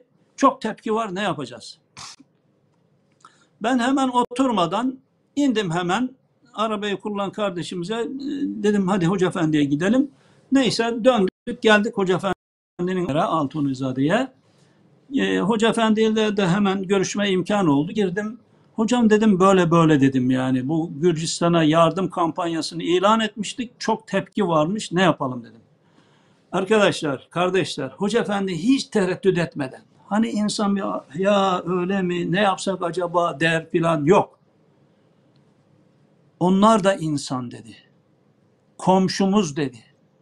Onlar orada aç ölse Allah bize sormayacak mı? Devam edeceğiz. Bakın cevap hemen böyle. Hoca Efendi o kadar kararlı ki. Ya ama Müslüman ama Hristiyan arkadaşlar. Hoca Efendi'nin merhameti hepsini içine alıyor böyle. Ve hakikaten devam ettirdik o kampanyayı. Gelen e, gönderilen zahireler, unlar hepsi Samsun'da toplanacaktı. Planımız oydu. Hakikaten Samsun'da kamyon kamyon zahireler toplandı. Sonra oradan gemiyle Gürcistan'a gönderildi. Yani bu şefkat, hani Hoca Efendi'nin böyle bütün insanları o şefkatin içine alması, tabii işte ateş e, düştüğü yeri değil, önce beni yakıyor demesi de bu Hoca Efendi'nin. Şimdi bir yerde zulme, zulüm işleniyor. Kadınlar öldürülüyor, çocuklar öldürülüyor, yaş, e, yaşlılar öldürülüyor. Bu hani Müslümansa acıyalım da Müslüman değilse canı çıksın böyle bir şey yok yani. Hoca Efendi'deki şefkat, merhamet ve Allah'ın lütfu, ihsanı kıymetli kardeşlerim. Biz böyle gayrimüslim insanlardan da Çin'den, Maçin'den vesaire ülkelerden bir hayli Hoca Efendi'yi ziyarete gelen insanlar oldu. Bazılarını biz de getirmiştik böyle. Mesela Çin'den getirmiştik bir heyet. Hoca Efendi ile görüşüp kahvaltı, yemek imkanları da olmuştu. Bazen o imkan olabiliyordu, bazen de olmuyordu. Ee, Çin'e her vardığımızda hava alanında bizi karşılamaya geliyorlardı böyle çiçeklerle. Hemen Hoca Efendi, Efendi nasıl? Allah. Allah böyle sevdiriyordu yani. Bu bakımdan evet bu biraz işte o insanların büyüklüğüyle alakalı Barış Bey. Allah razı olsun. Muhterem Hocam mutlaka bilmukabele ekleyeceğiniz çok şey vardır. Programın çoktan sonuna geldik ama e, bu kitabın müellifinden de dinledik. Programın başında Sayın Doktor Yüksel Şehiroğlu özellikle Hoca Efendi'nin ilmi yönünün ortaya çıkarılması, mercek altına alınması ve anlaşılması için böyle bir dert edindiğini ifade etti. Bir talebesi olarak uzun yıllar Hoca Efendi'nin rahle-i tedrisinde bulunan bir isim olarak Hoca Efendi'nin ilmi yönüyle ilgili hazırlanmış bir kitapla ilgili de ilmi ile ilgili birkaç şey söylemek isterseniz bize neleri ön plana çıkarırsınız, neleri anlatmak istersiniz? Şimdi tabii Hoca Efendi'nin ilmi yönü, talebe okutma yönü de muhterem kardeşlerim dünyada benzeri olmayan bir şeydir. Şimdi bakın bizim eski medreselerde, bizim ilk okuduğumuz zamanlarda da öyleydi. Yani bizim Kestane Pazarı'nda filan da Mesela fıkıh deyince bir mülteka akla gelir. Efendim bir guduri akla gelir. Bunlar birer ciltlik fıkıh kitabıdır. Hep böyle birer ciltlik. Mesela tefsir deyince Beyzavi hep okutulmuştur medreselerde. İki ciltlik Beyzavi tefsiri okutulmuştur. Hani şöyle düşünülüyor yani bu tefsiri Beyzavi biraz da ibaresi zor olan bir tefsir olarak. Bu seçilen kitaplar biraz böyle ibaresi zor kitaplardan seçiliyor mülteka gibi. Ha bunu okuyunca diğer fıkıh kitaplarını kendi okuyabilir yani böyle. Hoca Efendi öyle yapmadı muhterem arkadaşlar. Ve sınır da koymadı yani. 10 ciltlik, 15 ciltlik, 18 ciltlik kitapları okuttu yani. Okuttu. Bu ne kadar sürerse sürsün. Şimdi mesela bakın ben şu programımız hakkında da kısaca bir şey söylemek isterim. Biz bu Lütfen programı başlatalı muhterem arkadaşlar. Ee, 8-9 sene falan oldu yani. Zannediyorum 2012 miydi, 2013 müydü başlatmıştık biz bu programı. Biraz ben kendim için bunu başlattım yani. Hani tabii Hoca Efendi insan diyor farz bir vazifesini yaparken bile hizmetini düşünmeli diyor. Şimdi ben ayda bir Hoca Efendi'nin bir kitabını okuyayım diye kendime gaye edindim. Çok eskiden beri. Ama bazen bitiriyorum, bazen bitiremiyorum böyle. Hani toplu olarak yaparsak evvela bitirebilirim. Sonra bitiriyorsun. Ya bu kitapta neler vardı yani? Tabii 15 gün evvel okumuşsun, 20 gün evvel okumuşsun. Neredeyse unutuyorsun. Hem böyle okumama vesile olsun hem de sonunda böyle tekrar bir hatırlamış olalım diye 8-10 arkadaşı da bu vesile, vesile olabiliriz düşüncesiyle bu programı başlattık. Okuyacağız sonra özetleyeceğiz. Şimdi 15 Temmuz'a geldik katılım azaldı. Milletin artık kalbi, kafası hep Türkiye'deki hadiselerde dikkatler dağıldı. Böyle katılım da çok azaldı. Hani bunu biz başlattıktan sonra bu epey yüksele yüksele gitti yani. 150-200 kişi falan katılır hale geldi. Çok güzel gidiyor. 15 Temmuz oldu Allah Allah. 5-6 kişi geliyor. Okuyan yok, efendim oralı olan yok böyle. Neredeyse hani Hoca Efendi önümüzde böyle bir numune olmasa bırakıvereceğiz yani. Ben zaten bırakalım desem bırakılacak. Ama muhterem arkadaşlar biz hocamızda neyi gördük? Mesela yakın tarihte burada okuttuğu tefsir dersleri. Kaç sene sürdü? 5 seneden fazla sürdü. Bak ana kitap Elmalı tefsiri. Onunla beraber e, 20 kadar da tefsir takip ediliyor yani. 20 kadar arkadaşlar oradaki her bir talebe bir tefsiri takip ediyor. Elmalı'yla karşılaştırıyor. Orada olmayan meseleleri müzakere ertesi günü yani orada anlatıyorlar yani. Ve bunlar hepsi kayıtlara geçiyor böyle. Şimdi hocamızın ders okutma gerek kendi okuması gerekse okutması da ayrı bir e, üzerinde durulması gereken bir mevzu. Üzerinde durulması gereken bir mevzu. Şimdi hoca efendi işte tefsir en yakın gördüğümüz misali 5 seneden fazla sürmüş bırakmamış hoca efendi sonuna kadar. Ben de öyle olunca ya dedim ne olursa olsun bugün azaldı yarın çoğalır devam ettirelim dedik. 5-6'ya düştük sonra tekrar yavaş yavaş yavaş yavaş gün geldi arkadaşlar bunu YouTube'dan yapsak dediler. Şimdi YouTube'dan efendim böyle devam ediyor elhamdülillah. Tabii Allah razı olsun. Ee, Yüksel Hoca'nın Hoca Efendi'nin o yönleri üzerinde hususen durması çok çok yerinde bir şey yani. Allah razı olsun. Büyük bir emek sarf İnşallah. edilmiş. İnşallah kardeşlerimiz de kadrini, kıymetini bilir, okur, tam istifade Amin. ederler. Tabii muhterem arkadaşlar biz böyle bazı kendi yaşadığımız şeyleri de anlatacağız derken burada anlatılan birçok şeye temas edemedik. Artık onları arkadaşlarımızın inşallah okumasına havale etmiş olalım Barış Bey. İnşallah. Muhterem hocam, e, bizim için çok istifadeli oldu. İlk ağızlardan dinlemek istedik. Sürenin yetmediğini, bu kitabın ne kadar bereketli ve çok şümüllü olduğunu bu kez bu yayında bir kez daha müşahede ettik ve anladık. Dolayısıyla inşallah kitabın kendi içerisinden istifade etmek ve bu kitabın başka kitaplara da kaynaklık edebilecek bir başlangıç olmasını da dua ile inşallah noktalayalım. Efendim zaten size çok İnşallah. teşekkür ediyorum. Vakit ayırıp bizleri aydınlattığınız için. Sağ olun. Ben de teşekkür ederim. Allah razı olsun. Allah razı olsun. Kemal abi biz zevkle sizi ve hocamı dinledik. Ee, Ben çok teşekkür ediyorum katılımınızdan ve değerli bilgileri bizimle mukabele. paylaştığınız için. Allah razı olsun. Ben Ee, teşekkür Yüksel- ederim davet ettiğiniz için. Estağfurullah. Biz teşekkür ederiz. Ee, Yüksel Hocam, e, çalışmalarınız e, bizim takdirimize sınırlı olacak bir şey değil. Cenab-ı Hak e, fakir gibi cümle arkadaşlarımız, talep eden birçok arkadaşımızın istifade etmesini nasip etsin. Ve diğer çalışmalarınıza da medal ve başlangıç olsun. Süreyya yayınlarına ve zaten bize çok teşekkür etmek istiyorum. Estağfurullah. Rica ederim. Eksik olmayın. Ben teşekkür ederim. Bir mukabele. Efendim North East Islamic ve hizmetten YouTube platformu olarak Pırlanta okumaları ayda bir artık nasip olursa düzenlenecek ve İsmail Büyükçelebi ağabeyimiz ve onun kitaplığından ve okumalarından istifade etmeye çalışacağız. Fakat bugünkü programı MC Euro, North East Islamic ve hizmetten YouTube platformu ortaklaşa olarak yayınladılar kıymetli izleyenlerimiz. Uzun metrajlı bir program olduğu farkındayız. Zira bu, bu kitap daha birçok yayını da aynı zamanda besleyeceğini gösteriyor. Diğer yayınlarımız farklı formatlarda ve biraz daha kısa olacak. Bunun da bilgisini aktaralım. Ve hizmetten platformu olarak da bir kez daha teşekkürlerimizi de arz etmek istiyoruz. Siz kıymetli izleyenlerimize. Başka bir programda görüşünceye değin Allah'a emanet olunuz efendim.